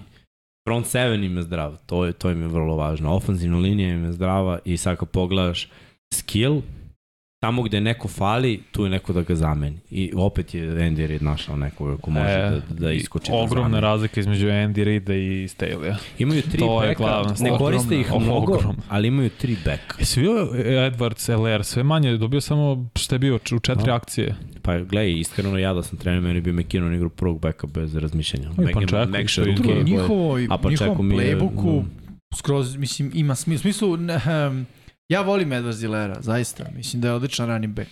I mislim da iz nekog razloga Chiefs ne koristi njegov potencijal. Ne bi me iznenadilo da, ono, možda ga ih traduju sledeće godine. Srki, kako tako jako dišeš, ba.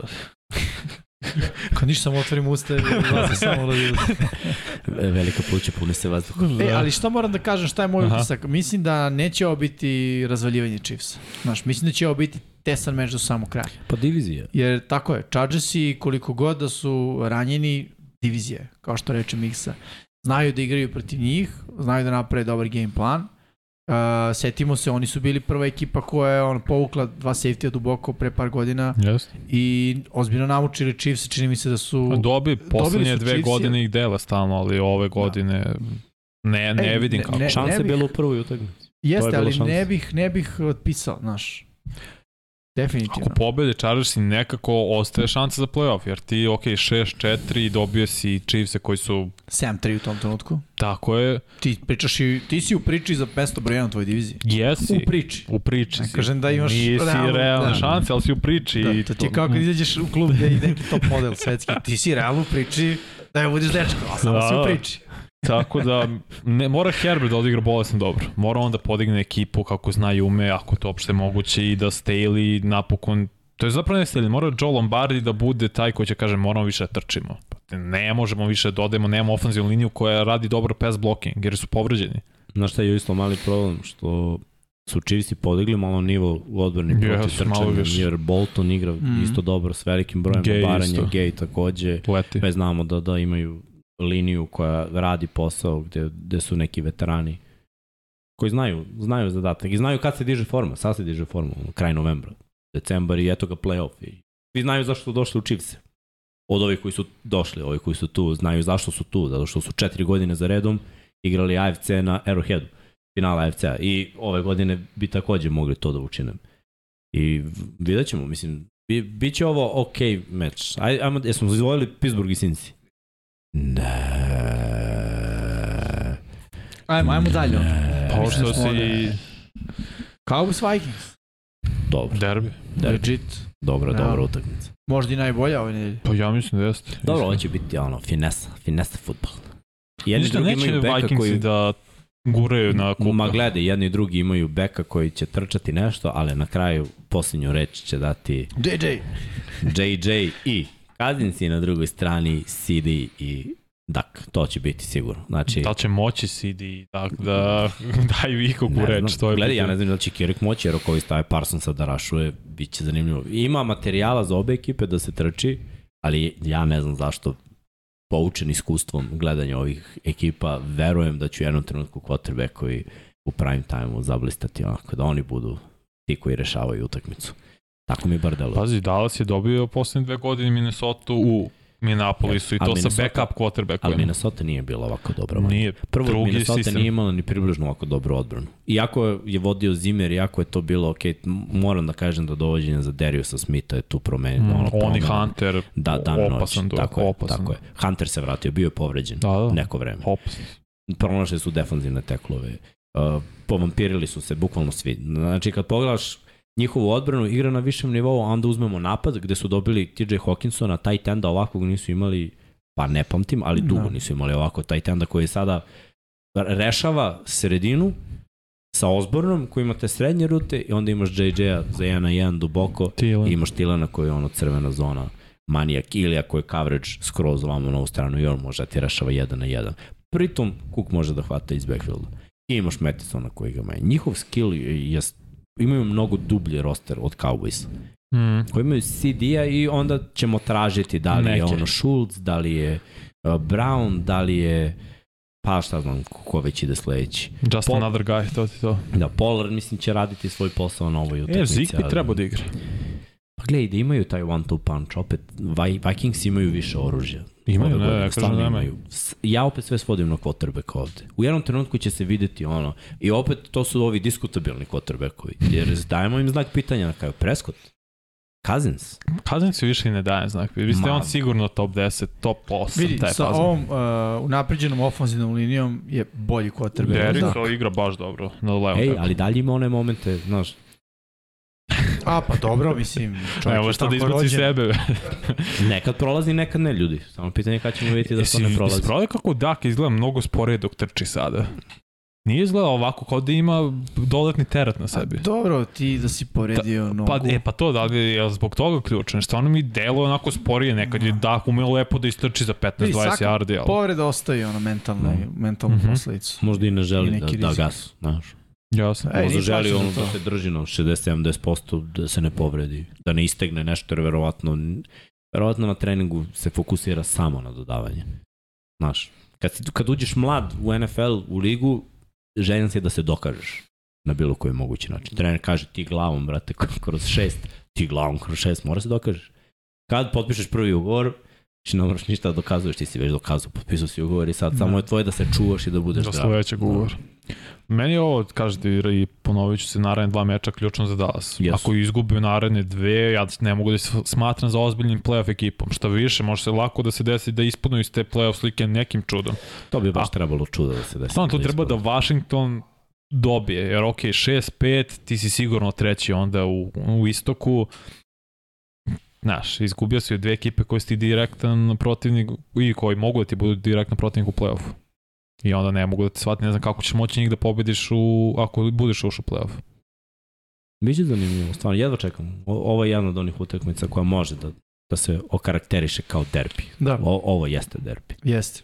Jer i Vikingsi su mogli da imaju ovaj skor 6 bez ikakvog problema. Mm. Prvo Sa, tako samo, i, samo išlo na njihovu vodenicu sve. ajde pogledamo implikacije. Ako Vikingsi pobede 9-1, Pa, to već ulaze u ozbiljno, mislim već su sad ozbiljne priče za mesto broj 1. Sad posle finalnog poraza još više. Koliko Dallas pobedi? 7-3, 8-2 ove dve ekipe imaju odnos. Onda Dallas definitivno ulazi u tu trku za uh, mislim ono ozbiljnije za mesto broj 1 u svojoj diviziji i bliže je tome da ima veći seed u celom NFC-u. Tako Mm. da implikacije uh, nakon ovog meča mogu da budu velike. Opet Dallas izgubi 6-4, to već deluje gledaj, Onako. ako želiš da budeš ozbiljna ekipa, mora da dobijaš ozbiljna ekipa. definitivno. I ono, znaš, ne mogu, opet Dallas je pobedio neke ozbiljne ekipe. Evo sad prilike, znači sad sledeće dve utakmice, to su opet dve ozbiljne ekipe, mora to pobediš. Ne možeš samo da pobediš ekipe s negativnim skorom i da misliš ono, to je to, mi smo ozbiljni Mm. tim, jer reality ček, čeka tu i tamo, iza nekog ugla. Ajde da idemo dalje. Da idemo dalje. Ajde. Ovo će biti super. Znači, Sledeći meč koji izdvajamo, nema, to je to. da. Pokrili smo Sve smo pokrili, pokrili pet meča, wow. Da. Bersi, Bersi, Falconsi, to je u 19 časova. Na, isto važan meč s aspekta Falcons. Mislim da Bersi nemaju šanse da uđu u playoff, ali Falconsi mogu da jure prvo mesto na jugu ako bi eventualno dobili ovde Berse da, da odu na 5-6 i da se nadaju da će Tampa da izgubi nešto, tu bi bila Ja ne znam njihova kako šansa. mogu da brane trčanje, iskreno Falcon. Ne znam ni ja, ali znaš šta, to je ono, mo, moraju da reši. Nije, bilo je utakmica gde su zatvarali ekipe. Sad, Fields je u jednom vrhunskom nizu, Mm. to bi mogao da bude problem za Falcons, jer sad je samo pouzdanje skočilo. Ber, Bersi dobro blokiraju kad je u pitanju trčanje. I imaju dobre bekove, znači ne mora samo Fields da trči. I nekako mi deluje da su i hvatači malo počeli da, da rade posao Dobro, i za, za, tradeom za Chicago. Claypoola isto dosta Mm. značilo. Bills i Browns i evo možda bounce back match za Bills. Možda, On dva Da. Mislim da poraza. bi morao da bude. ali imaju, imaju da, dva poraza u nizu i ova utakmica se neće igrati u Buffalo, otkazana je, pomeran, igraće se u Detroitu. I Da. bit će na prenosu na sport klubu 2 od 19 časova. E sad, to je, ono, jedni i drugi se sele, idu u halu, Da Browns igraju imaju... Detroit. Šta? Jesi to rekao? Da, Da, da, da, da. Da. I Browns imaju svoj ofenzivni identitet, a to je ono da trči. Bris- Brissett može da odradi posao da, da umori ovde, ali šta je fokus za Bills? Ne prodaj lopte. E, Ako to ne urade, dobili su tekmu. Mm. Prodaj ovde loptu, napravi glupost, vratit ćeš Brownse koji su ono, prosek ove godine u igru, to, to ti nikako ne treba. Da razumem, bit će tu malo tih emotivnih stvari u ovoj utakmici, ne igraš na svom terenu, odlaziš ovamo, pa putuješ, pa dovodiš mnogo toga u pitanje navijači, da li će dolaziti, da li neće, pa igraš na pri- prirodnoj travi na polju, ovo je hala, veštak. Ima tu nekih stvari ko, koje ono, mogu da naškode, ali ne mora ništa da znači. Da li su bili svi potpuni favoriti u ovoj utakmici? Jesu. Da li su u groznoj formi u posljednje vreme? Takođe jesu. Žao mi što ne igraju ponovno. Da. Ne, Neko je napravio sam. mi video. sve sam imao video. Kaže, napravit će šest stopa snega, uh, Singletary 5-7, Chubb 5-8 visi. Peti. Znači ono, Pa kao, nisu uopšte, Da. Ja, fenomenalno. mnogo mimova je bilo i mislim da su sada, da je internet tužan nakon vesti da, Da. se utakmica neće Jest. igrati u E, ali ovo, Buffalo. pa tamo si u četvrtak igraju protiv baš Detroita Thanksgiving, tako da s te Mm. strane dobar potez NFL-a logistički, da ih premeste. Jeste. Ali opet, znaš, sad u četiri dana dve utakmice za Bilse, to je onako malo... A već u lošoj seriji, loše, loše samopouzdanje. Za Brownse ovo je jedna od onih posljednjih utakmica pre povratka de Dešana Tako je. Watsona. Tako da Da. i oni imaju, znaš, opet meni deluje da bolje igraju ove godine su stali malo iza Briseta i ako bi možda napravili čudo ovde i dobili pitanje, A mislim da bi to bilo previše čuda protiv Bills, baš to, iskreno. baš to. Tako da ono, Ali ono, nije nemoguće, ne bih, ne bih otpisivao. da. Eagles i kolci, tu bih otpisao kolce. Da, to. tu mislim E, da... ali... Čuda staju tu. Uh, ok. Ok, mislim i ja to mogu da, da vidim iskreno. Fila je bolja na svim poljima što se tiče Indianapolis i treba im taj bounce back, što bi rekao Vanja. Ajmo dalje. Ajmo dalje. Uh, ostatak utakmice 11. kola, Jetsi protiv Patriota. To smo već pričali, najavljivali. Ustanovili. Biće od 19 na novoj sport. Ok. Rams, Saintsi, iskreno ne znam šta da mislim o ovom meču.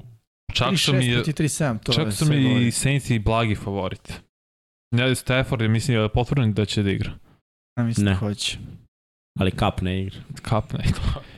Već, znaš, toliko targeta ide na Coopera Cupa. Bilo je utakmice sa 20 targeta, s 15 A, on je targeta. sve u tom napadu. Ja bukvalno. ne znam šta oni zamišljaju u tom napadu bez njega. Kako će to da izgleda. Saints s druge strane, mislim, ono, Andy Dalton je loš, ali bar zna šta je Andy Dalton. Ima ja sam zašto Vin- Winston ne startuje. Povređen. Ili dalje, ili To da? je neka priča. Pa ne znam koja je, koja je, koja je istina. Priča da, da nije još uvek 100%, a kao Andy Dalton je pokazao neke znake sigurnosti.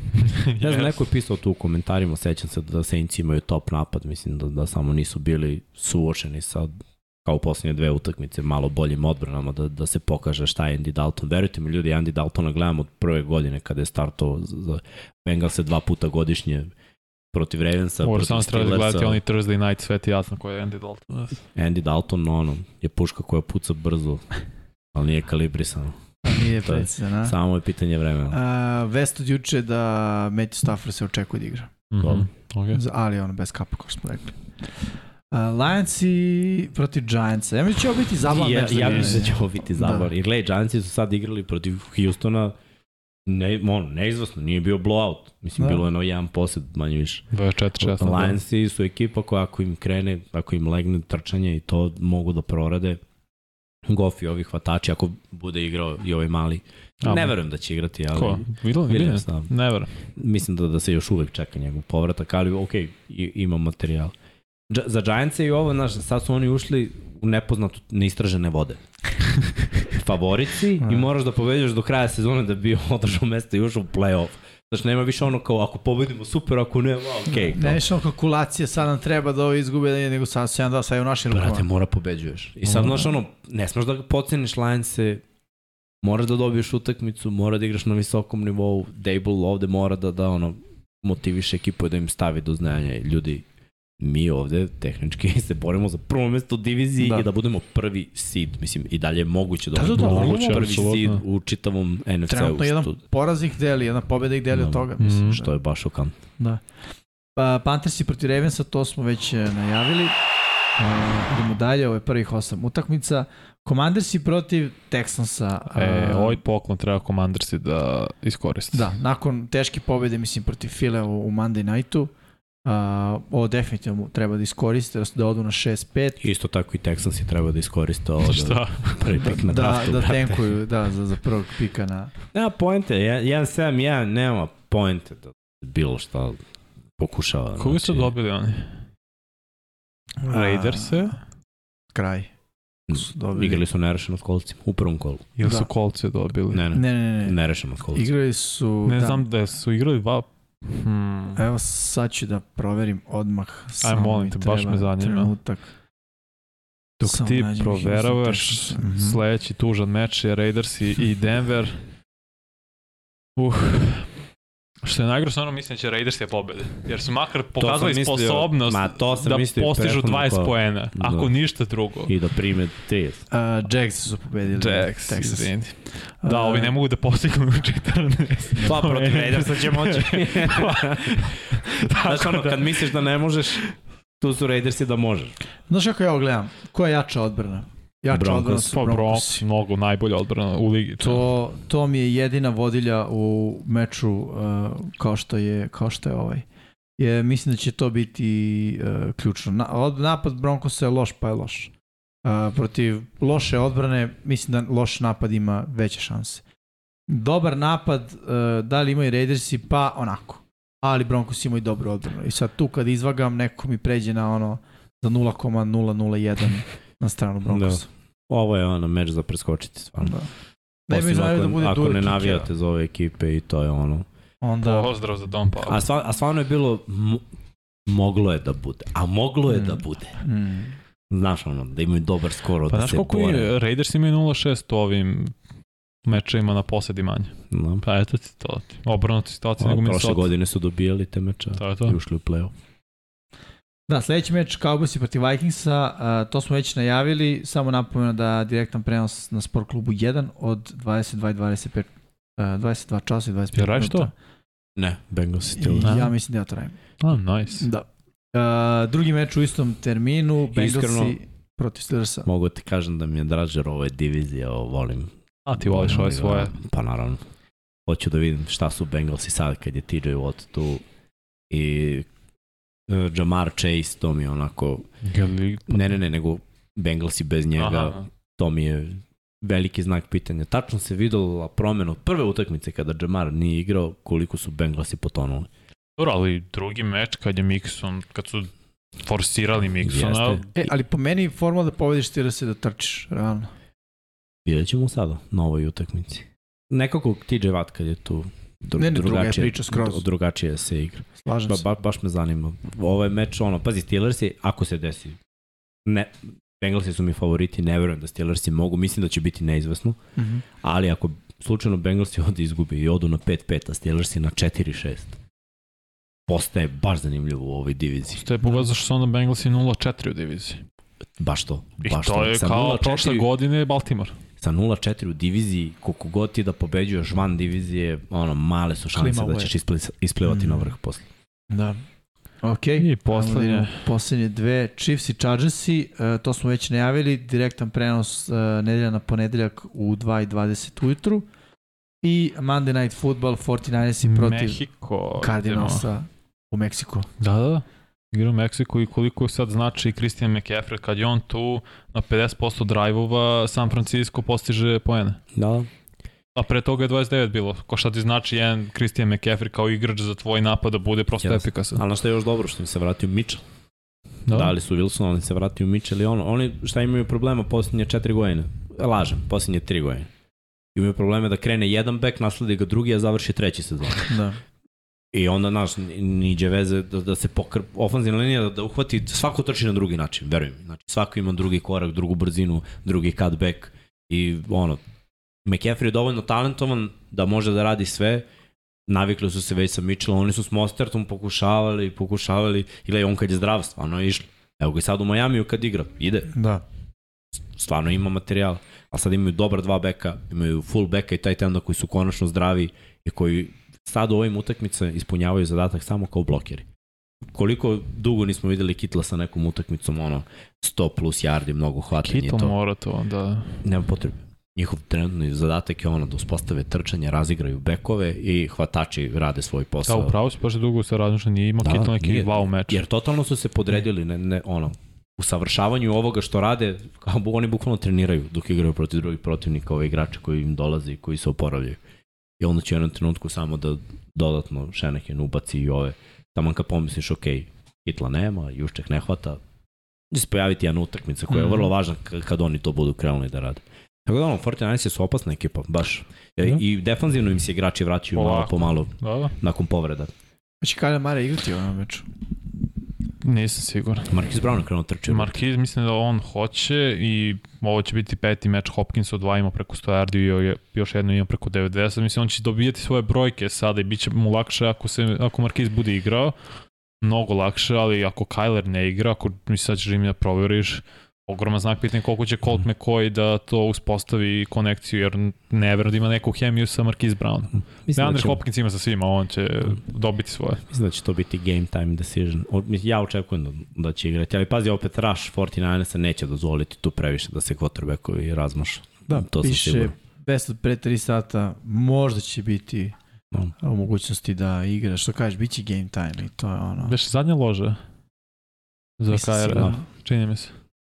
A, da, i ovaj meč je na direktnom prenosu uh, Sport klub 1, ponedjeljak na utorak, odnosno utorak ujutru 2 časa i 15 minuta. I na baju ove nedelje su Buccaneersi, Dolphinsi, Jaguarsi i uh, Seattle. Florida plus Seahawks. Seattle. Da, Florida plus Seattle, upravo tako. Ok, ćemo da pogledamo naše prognoze za ovu nedelju, za nedelju broj uh, 11, da vidimo kako smo birali. Uh, Tennessee proti Green Bay-a, Miksa, Dom Pablo i ja smo izabrali Tennessee i pogodili, dok su Vanja, Srki i Veliki Srki birali Green Bay. Nije došlo. Uh, Chicago, Atlanta, ajde ovako, Vanja i Veliki Srki biraju Chicago, svi ostali biramo Atlantu. E, pa više verujem u igru trčanja Chicago i Fieldsa nego da će da je Atlanta sposobna to da odbrani. Ok, Vrlo moguće. ja ne znam, ja ono što znam je da Chicago igra ovako, pobjeda, tri poraza, pobjeda, tri poraza. Dobro, pobjeda. Što bi značilo da bi sad trebao dođe pobjeda, to si u pravu, ali ne znam. Da, ima i taj talas.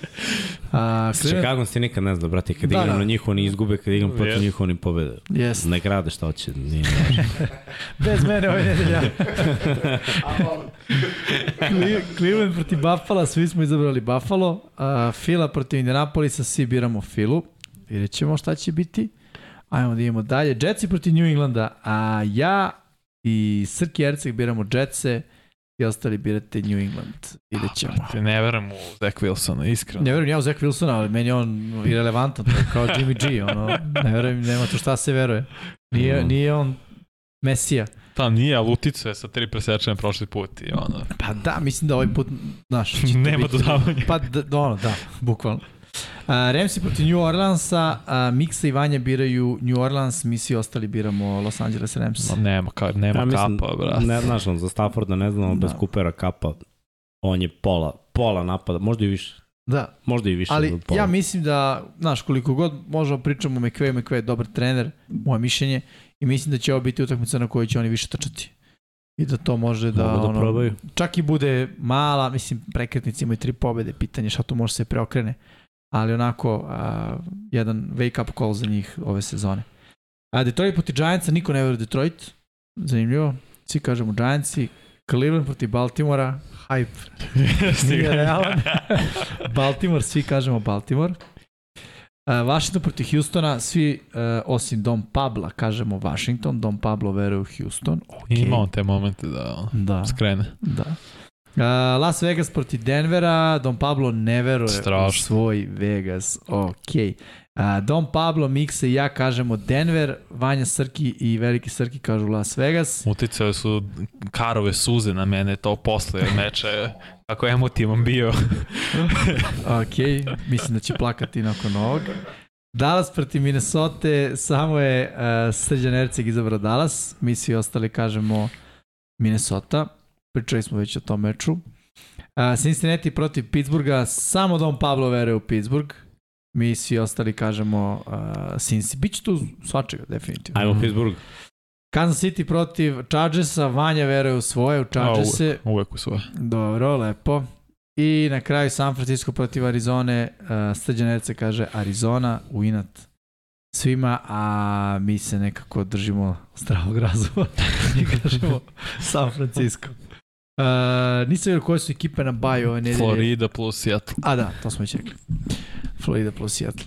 Uh, dobro, okej. S ovim smo došli do kraja uh, standardnog plana i programa. Ajmo sad na pitanje i odgovore. A, imamo vremena. Ajde. Pa možemo malo. Pa Ajde, može. ko će da čita? Zato što je, zato što je Euro... Euro Da, da, posle, jeste. Hoćeš ti Da, Miksa da, da. da preuzmeš. A ljudi, ajde vas da pozovemo prvo i pre svega da lajkujete ovaj video. Ko se nije subscribe-ovo ili pretplatio, kako već to da kažem. I da vas, po, Kliknite. da vas pohvalim, u prethodnom smo imali 40 komentara posle. Posle-. Bilo je dosta diskusije, da. Da, u poslednji 4-5 nedelja i mnogo veće gledanost ljudi pišu, tako da je daj kupite majice obavest. Bio danas jedan lik, izvim, zaboravio sam nju, ne pamtim imena, koji je kupio tvoju baš majicu. Ravensa, navija za Ravensa, tako da Cool. ono, kupite majice, ljudi, dobro su. Da, dobre su majice. Uh, mislim da je okej cena, 2099 Tako je, tako je. uh, dinara. Na vaš zahtev. Da, ej, to je okej.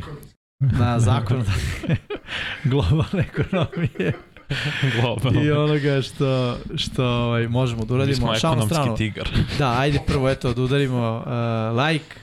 Uh, mislim, ko nije?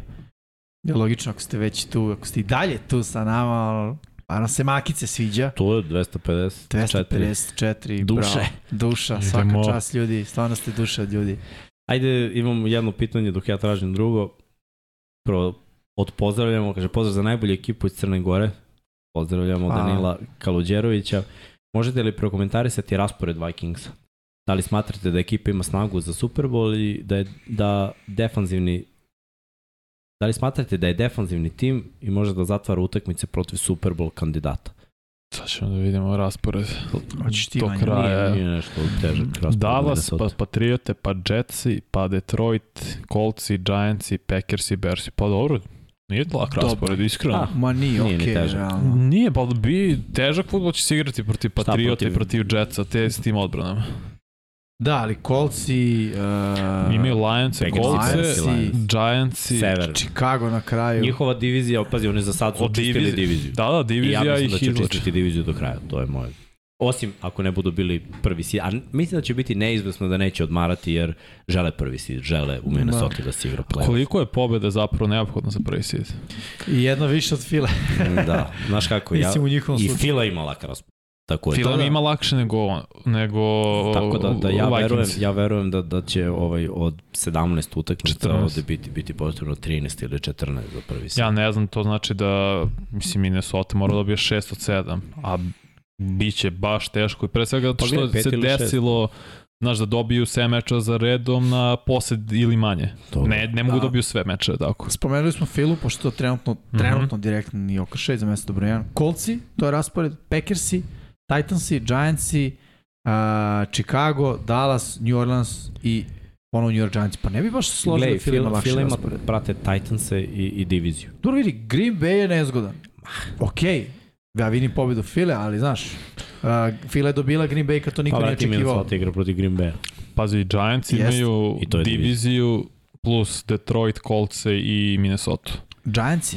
Da, pa gledam Giants zašto 7-2, pa Mhm. ajde kao. Biće zanimljivo, znaš. 13 mora da imaš da bi bio prvi sid. To, to je To sam siguran da moraš da Da. imaš 13. Neće Mhm. ove ekipe kupiti mnogo do kraja. Pa da, tako Znaš, deluje.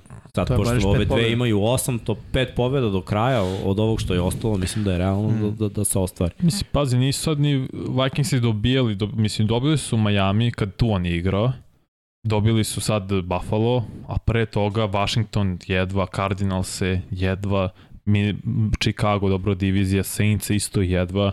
Nisu bile neke wow pobede sad i ubedljive da kažeš Ali su ok. bolji iz nedelje u nedelju. To je ono što je... Mislim, igraju konstantan evidentno. futbal, oni igraju ko da im je dovoljno da su prevazišli to što je Miksa pričao i ok, igramo dovoljno da pobedimo. Sad vidjet ćemo, mislim da će im Dallas biti pored Fila ko, koji su Belju izgubili 27-7, najveći test. Jer su zdravi svi. Da je Miami bio zdrav, da je igrao tu, a to bi bila druga priča. Ne znam da li bi dobili tad Miami. Da, to, to jeste diskutabilno. Okej. Idemo, idemo na sledeće pitanje. Kada će crno-bele majice? Raiders imamo? Bele sa crne. Imamo. Imamo Raiders. Imamo. Imamo, imamo Raiders majice. Ima redi smajicu, samo niko Evo ne sad će nosi, srđan da je skine. Da. jer se Don Pablo ne pojavljuje u da, kadru neće. i onda Neće. ne možemo Tu da... je to, evo, otišao po majicu. ali otišao srđan po majicu, pa Pitanje ćemo je kad da se ubacimo- Jimmy vraća na SK. Mnogo lenj. Ne, nije, evo sad, ove nedelju 7. Ove Tu nedelju je. 7. Da, bile su neke prvo medeni mesec, što ne mogu kažem neplanirana stvar, to je Hvala. jako planirana, ali ovaj vikend uh, sam uh, imao neke neplanirane stvari i zbog toga mi nije, nije bilo, a bio sam na rasporedu i, i planiran. Evo je crno-bela majica. Uh, da, baš je Raiders, realno. O, da. Ali ove nedelje sam tu. 7, to I je... to super tekmo. Da, da, I da. ovo, Radiš ovo dve? drugo. Da, dve, Da. u 7 i u 10 i 25. Šta još se? Uh, šta ću ti reći? Ti Jet- možeš reći. Ni, ne znam, za drugu znam, a za prvu Da. ne znam. Ja za prvu gledam Baltimore, to me ne znam. Žao mi je, ali moram da ispratim taj Bakerov Mislim pokušaj. da, da druga je definitivno Dallas i, Minnesota. i Minnesota, da. A što se prve tiče, evo odmah. Dok ja tražim Miksa ti ako upecaš dobro Koja pitanje. ekipa je Dark Horse? Prita Branislav Dević. Mm, A, na šta misliš kad kažeš Dark Horse? Pa ono, neko ko može da napravi čudo, od koga ne očekujem. Uh, New England Jets, to je prvi meč koji prenosim. Pa, to sam je mislio. a, pa te Patriote bi mogli da uđu u neko playoff. Ta njihov futbal i način igranja je i mogu da uđu? Beličik. Playoff, a da ga sad ne vidimo. Da Pa ne nije. vidim Patriote, ja mislim da se neko oni kao neki Dark Horse. Da, mislim, ne znam, okej. NFC, ti, taj Washington može isto nešto nalik Patriotama kao poslednju Pa diviziju. ja bih rekao Seattle. Jer ja mislim da će San Francisco na kraju uzeti tu diviziju, Mhm. a da, da će Seattle uspeti da, Ne da može se pobedi Seattle u play-offu. Pa zato i mislim da je Dark Horse. Zašto mislim da mogu zapravo. Da. Ako im naleti pravi match up i ako ono, uspostave igru trčanjem i onda Gino ne pogreši, Mm -hmm. i ako budu McAfee i Lockett na, na visini zadatka, Što nije nemoguće, što si nemoguće. rekao. Zaista mislim da, da su oni ekipa koja je u NFC-u gde je konkurencija malo slabija, da, da, da je izjednačenija možda, da mogu da, da čak i uđu u playoff i da pobedu u prvom kolu. I tu staje, po mojom mišljenju, Seattle ove godine. Ali New England ako uđe u playoff, vidim isti scenariju kao prošle godine. Uđeš u playoff, kraj. Naletećeš na neku od ove prve četiri ekipe koje su bolje. Mislim da su prve četiri ekipe u AFC-u bolje nego prve četiri ekipe u NFC-u. Mogu ja kažem Dark Horse. Packersi. Run the table. To ako dobiju ovih pet. do, Mislim, do vidi, kraja. šest. Trenutno ih jedna pobeda deli od toga i još nekih srećih splet okolnosti. Ali... Pa nije ovaj, jedna. Pa evo, trenutno sedma Trenutno ekipa ima dve. 5-4. To je San Francisco. Da, a on ima Da. 4-7. Tako da ono... Vidjet ćemo dobro, to bi zahtevalo da San Francisco izgubi, ali Arizona je zapravo onda pobedila što ima meč više. 5-6. On Da, je da. odigran meč više, da Teška priča, tako. Da. teška priča. teško, ali Dark Horse. Yes, ok. To je najtamniji konj, brat. Bra, branac. Ono, ponoć taman. Najdark. Midnight Dark. Da vidimo ovako. Uz dužno poštovanje Vikinzima i istoku, 49ersi mi izgledaju kao najveće kandidati za Super Bowl, kaže Marko Hector, slažete li se? Okej. Slažem se kad su zdravi. Mislim da imaju najdublji i najtalentovaniji roster kada su zdravi, ali pošto često nisu, to je najveći problem za njih. Dobro, da, ali ove godine, mislim, ono, delo je bolje, ono, bar se ljudi vraćaju. Right, to da, to da. Ja sam dušen kako igrao i safety i Hofanga. Mm Mm. Nije kuda, bukvalno su ga otkrili. Da. Mislim, to je, ono, negativna strana power futbala. Kad mnogo trčiš, kad igraš tako agresivno. Jer uh, ljudi se povređuju, mislim, logično. Da imamo 4 u 1. Pitanja Željka Mutvrđića. Tampa u Superbowlu, Ne. Ha. Zašto ne? To bi bio Dark Horse. To bi bilo baš, da, to je možda i najrealniji Dark Horse, će oni uzeti ovu bednu diviziju na kraju i imaće Da. prednost domaćeg trena u prvoj utakmici. Da. I to može da im bude neki kao zalet. Dobro, to je prvo pitanje. Ali opet do Superbola mislim da ovo nije njihova Ima godina. vremena, da. Cincinnati je najopasniji tim u AFC-u. Definitivno ne. Ne bih Ima rekao. mnogo da. opasnijih ekipa ove godine od Cincija. Koliki vi Da, ono- slažem se, ja mislim da je... Pa, ako se Jamar vrati zdrav. Misliš da su opasniji od ekipa. Miami, od Buffalo, od Chiefsa? Ne ovaj Buffalo nakon ova tri meča Dobro, pa- loše Dobro, je. Miami. Miami. Pa ne znam. Meni trenutno ne deluju opasniji ni od Mislim da su Baltimore. mi Chiefs i najbolja ekipa, ali... Pa dobro. To je nekako usko povezan. Koliki je problem Green Bay-a, Rodgers? Veliki problem zato što ne igra sa željom da, da želi da igra, ne znam kako bolje da, Pa, formuliše pod to. pitanje da li su uvek hvatači problem ili on igra daleko. Ne, mislim da su nivoa. hvatači glavni problem, ali ne Ja igra ni mislim on da na visokom nivou. Ceo koncept Green Bay-a trenutno problematičan. E, da se vratimo unazad i cela priča, ono, moraš znaš šta želiš, šta imaš i kako ti se ljudi osjećaju u ekipi, deluje da ništa od toga nije čekirano ove, ove godine. Da. Znaš, šta želiš, šta imaš, šta ti hoćeš da Aaron Rodgers u kojoj, koje godine ima? 37. 38. 38. godini pravi neke hvatače kojima može skoro pa otac da bude. Mislim, ne, ne, ne ide to baš tako. Možda u Medenu, ali u realnosti mislim nije i to se pokazuje da nije, znaš. To je ona veliki disbalans, to je kao kad je Tibo bio u Broncosima koji priča kao, ej, možda ne ove godine sledeća, on Cem Bailey koji je u fazonu, stvarno, on igra kornera i on 35 godina, brate, ti pričaš u sledećoj sezoni. Dokle O, da. više.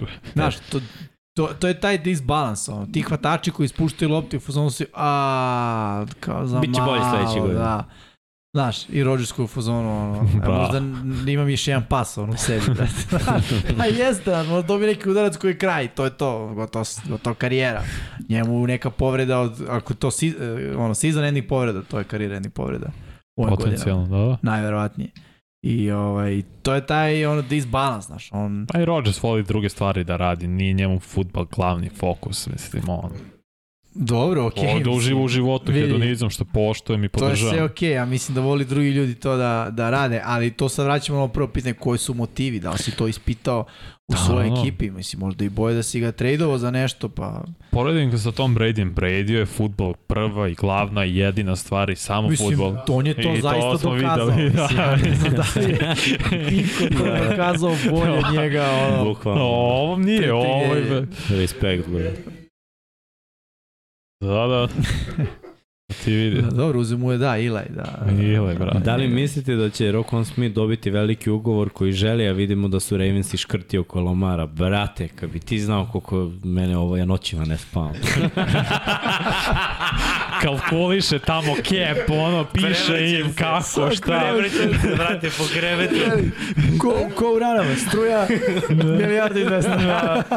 Tako mi sa sebe Ako ovde prebacimo bonus, onda možemo Ako njemu. ne platim struju dva meseca i pošaljem ček, da li će potpisati Rokuana. Evo, bukvalno.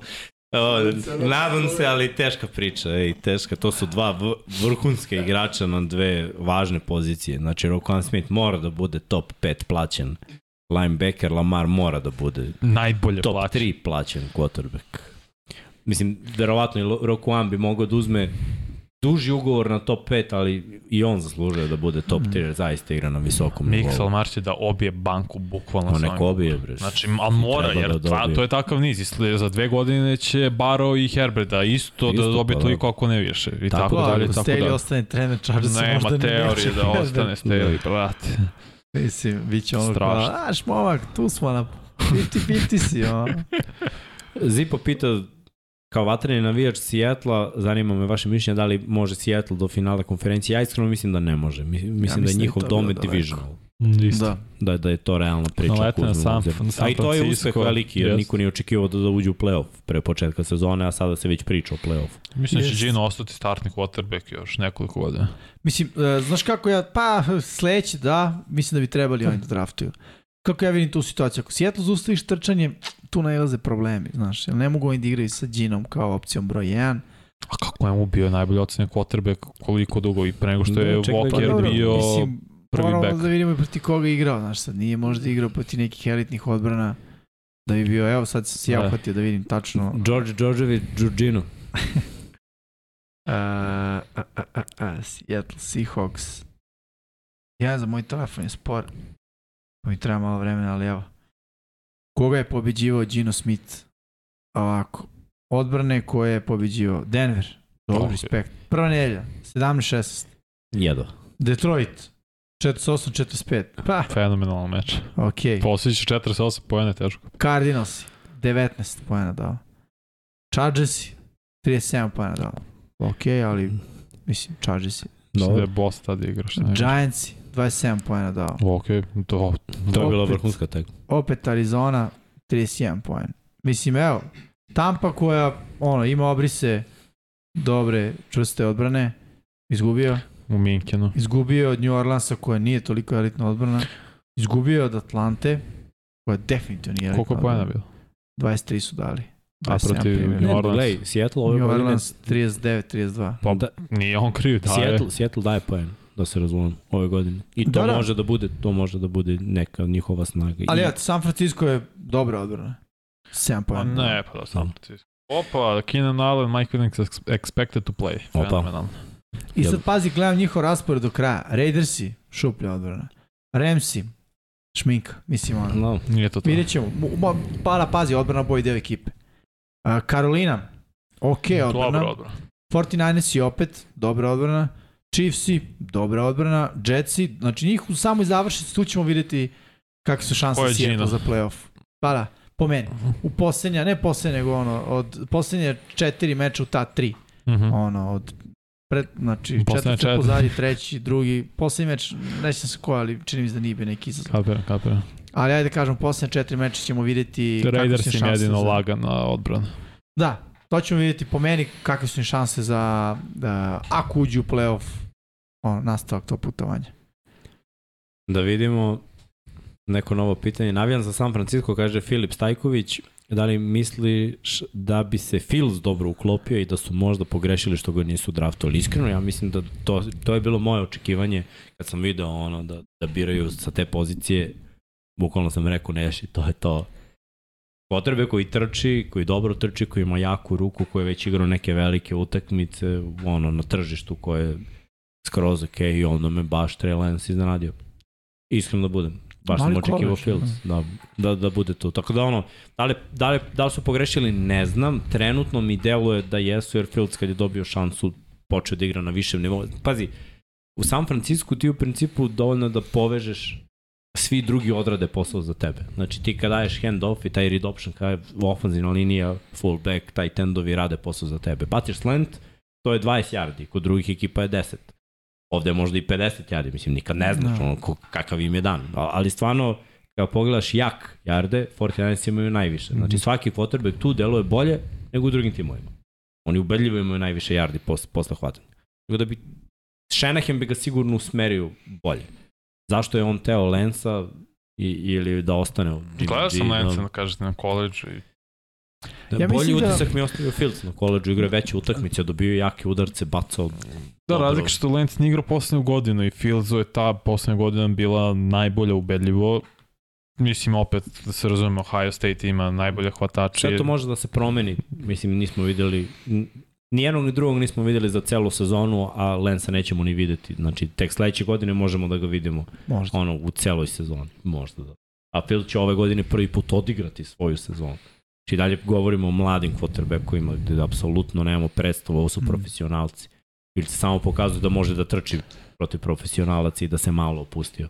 Koliko mu je trebalo? Osam nedelja da krene to da radi. Da. Možda toliko baš treba i, i Lensu, ali nije dočekao taj godine. trenutak. Da vidimo dalje, da vidimo dalje. Pa ni, ni, niste nešto jaki s pitanjima, uglavnom ste se lepo ovako izdopisivali. A i Luka i Kuzma treba da stignu, s obzirom da se završava Eurolige, da će oni raditi malo ovde svoje. Šta je uradio Partizan? I Evo, koliko živno. Zato je ovde 99.000 crno, be, crno-bela majka. Kako je živno, čovjek. Ja, dobro, ništa, ajde da, ajde da sumiramo utiske. Još jedno hvala što ste gledali u ovakvom broju. Uh, imali smo 128 lajkova, 255 ljudi u, u Ajmo još lajkova ljudi. Da, to, to, to bi moglo da se popravi, ali svakako ono, ako niste nešto pitali, ako nismo nešto odgovorili, ako vas nešto muči, ako nešto uh, želite da pitate, slobodno iskoristite komentare kada završimo, kada izbacimo video i prethodne nedelje baš bilo dosta i ja volim u toku nedelje kada nađem to malo slobodnog vremena da, da odgovorim na sva pitanja, tako da slobodno pitajte, mi ćemo odgovarati. Uh, a što se tiče NFL-a, mislim, ono, zanimljiva je sezona, sad, sada se zahuktava, prosto neverovatno mi je da evo, tu smo već ono, kraj Da. novembra skoro. Thanksgiving. Jo, jo, Thanksgiving, jo- još malo finish, još malo će playoff, pa tamo da iskoristimo to da, da damo gas. Ako niste probali uh, naše sek pivo u dogmi, probajte, Sekujte dobro je, se. da, ali odgovorno, nemojte voziti jer ima Da. 10% alkohola. Skoro. Da, takođe ako hoćete uh, naš merch, majice su tu u raznim bojama, možete vidjeti na sajtu koji konačno radi, tu možete poručiti. Uh, što se tiče podrške ili kao svetioničari, kao članovi našeg uh, YouTube-a ili kao Patreoni, ako imate potrebu da podržite našu radio ekipa, E da, poslednjeg ponedjeljka u mesec, mesecu uradit ćemo Zoom call sa Da. svim članovima i svetioničanim patreonim pokroviteljima, tako da ono, prošlo je traja dva sata samo sa Dekijem i Pajom, tako da ovo vrlo lako može da se desi da traje tri. Da. Tako piti, spremite pitanja, da, zabavno je, ono, totalno ležerno sedneš, opustiš se i lagano. Da, Cool. carski. Eto, da, da, i mi malo neku inovaciju ubacimo. I ono, to bi bilo to, u principu imate nešto za re... Kako bi rekao to, Embo, questions, comments, concerns. nema, nema, Nema. nema, hvala. I vidimo se sledećeg petka. Ja sam.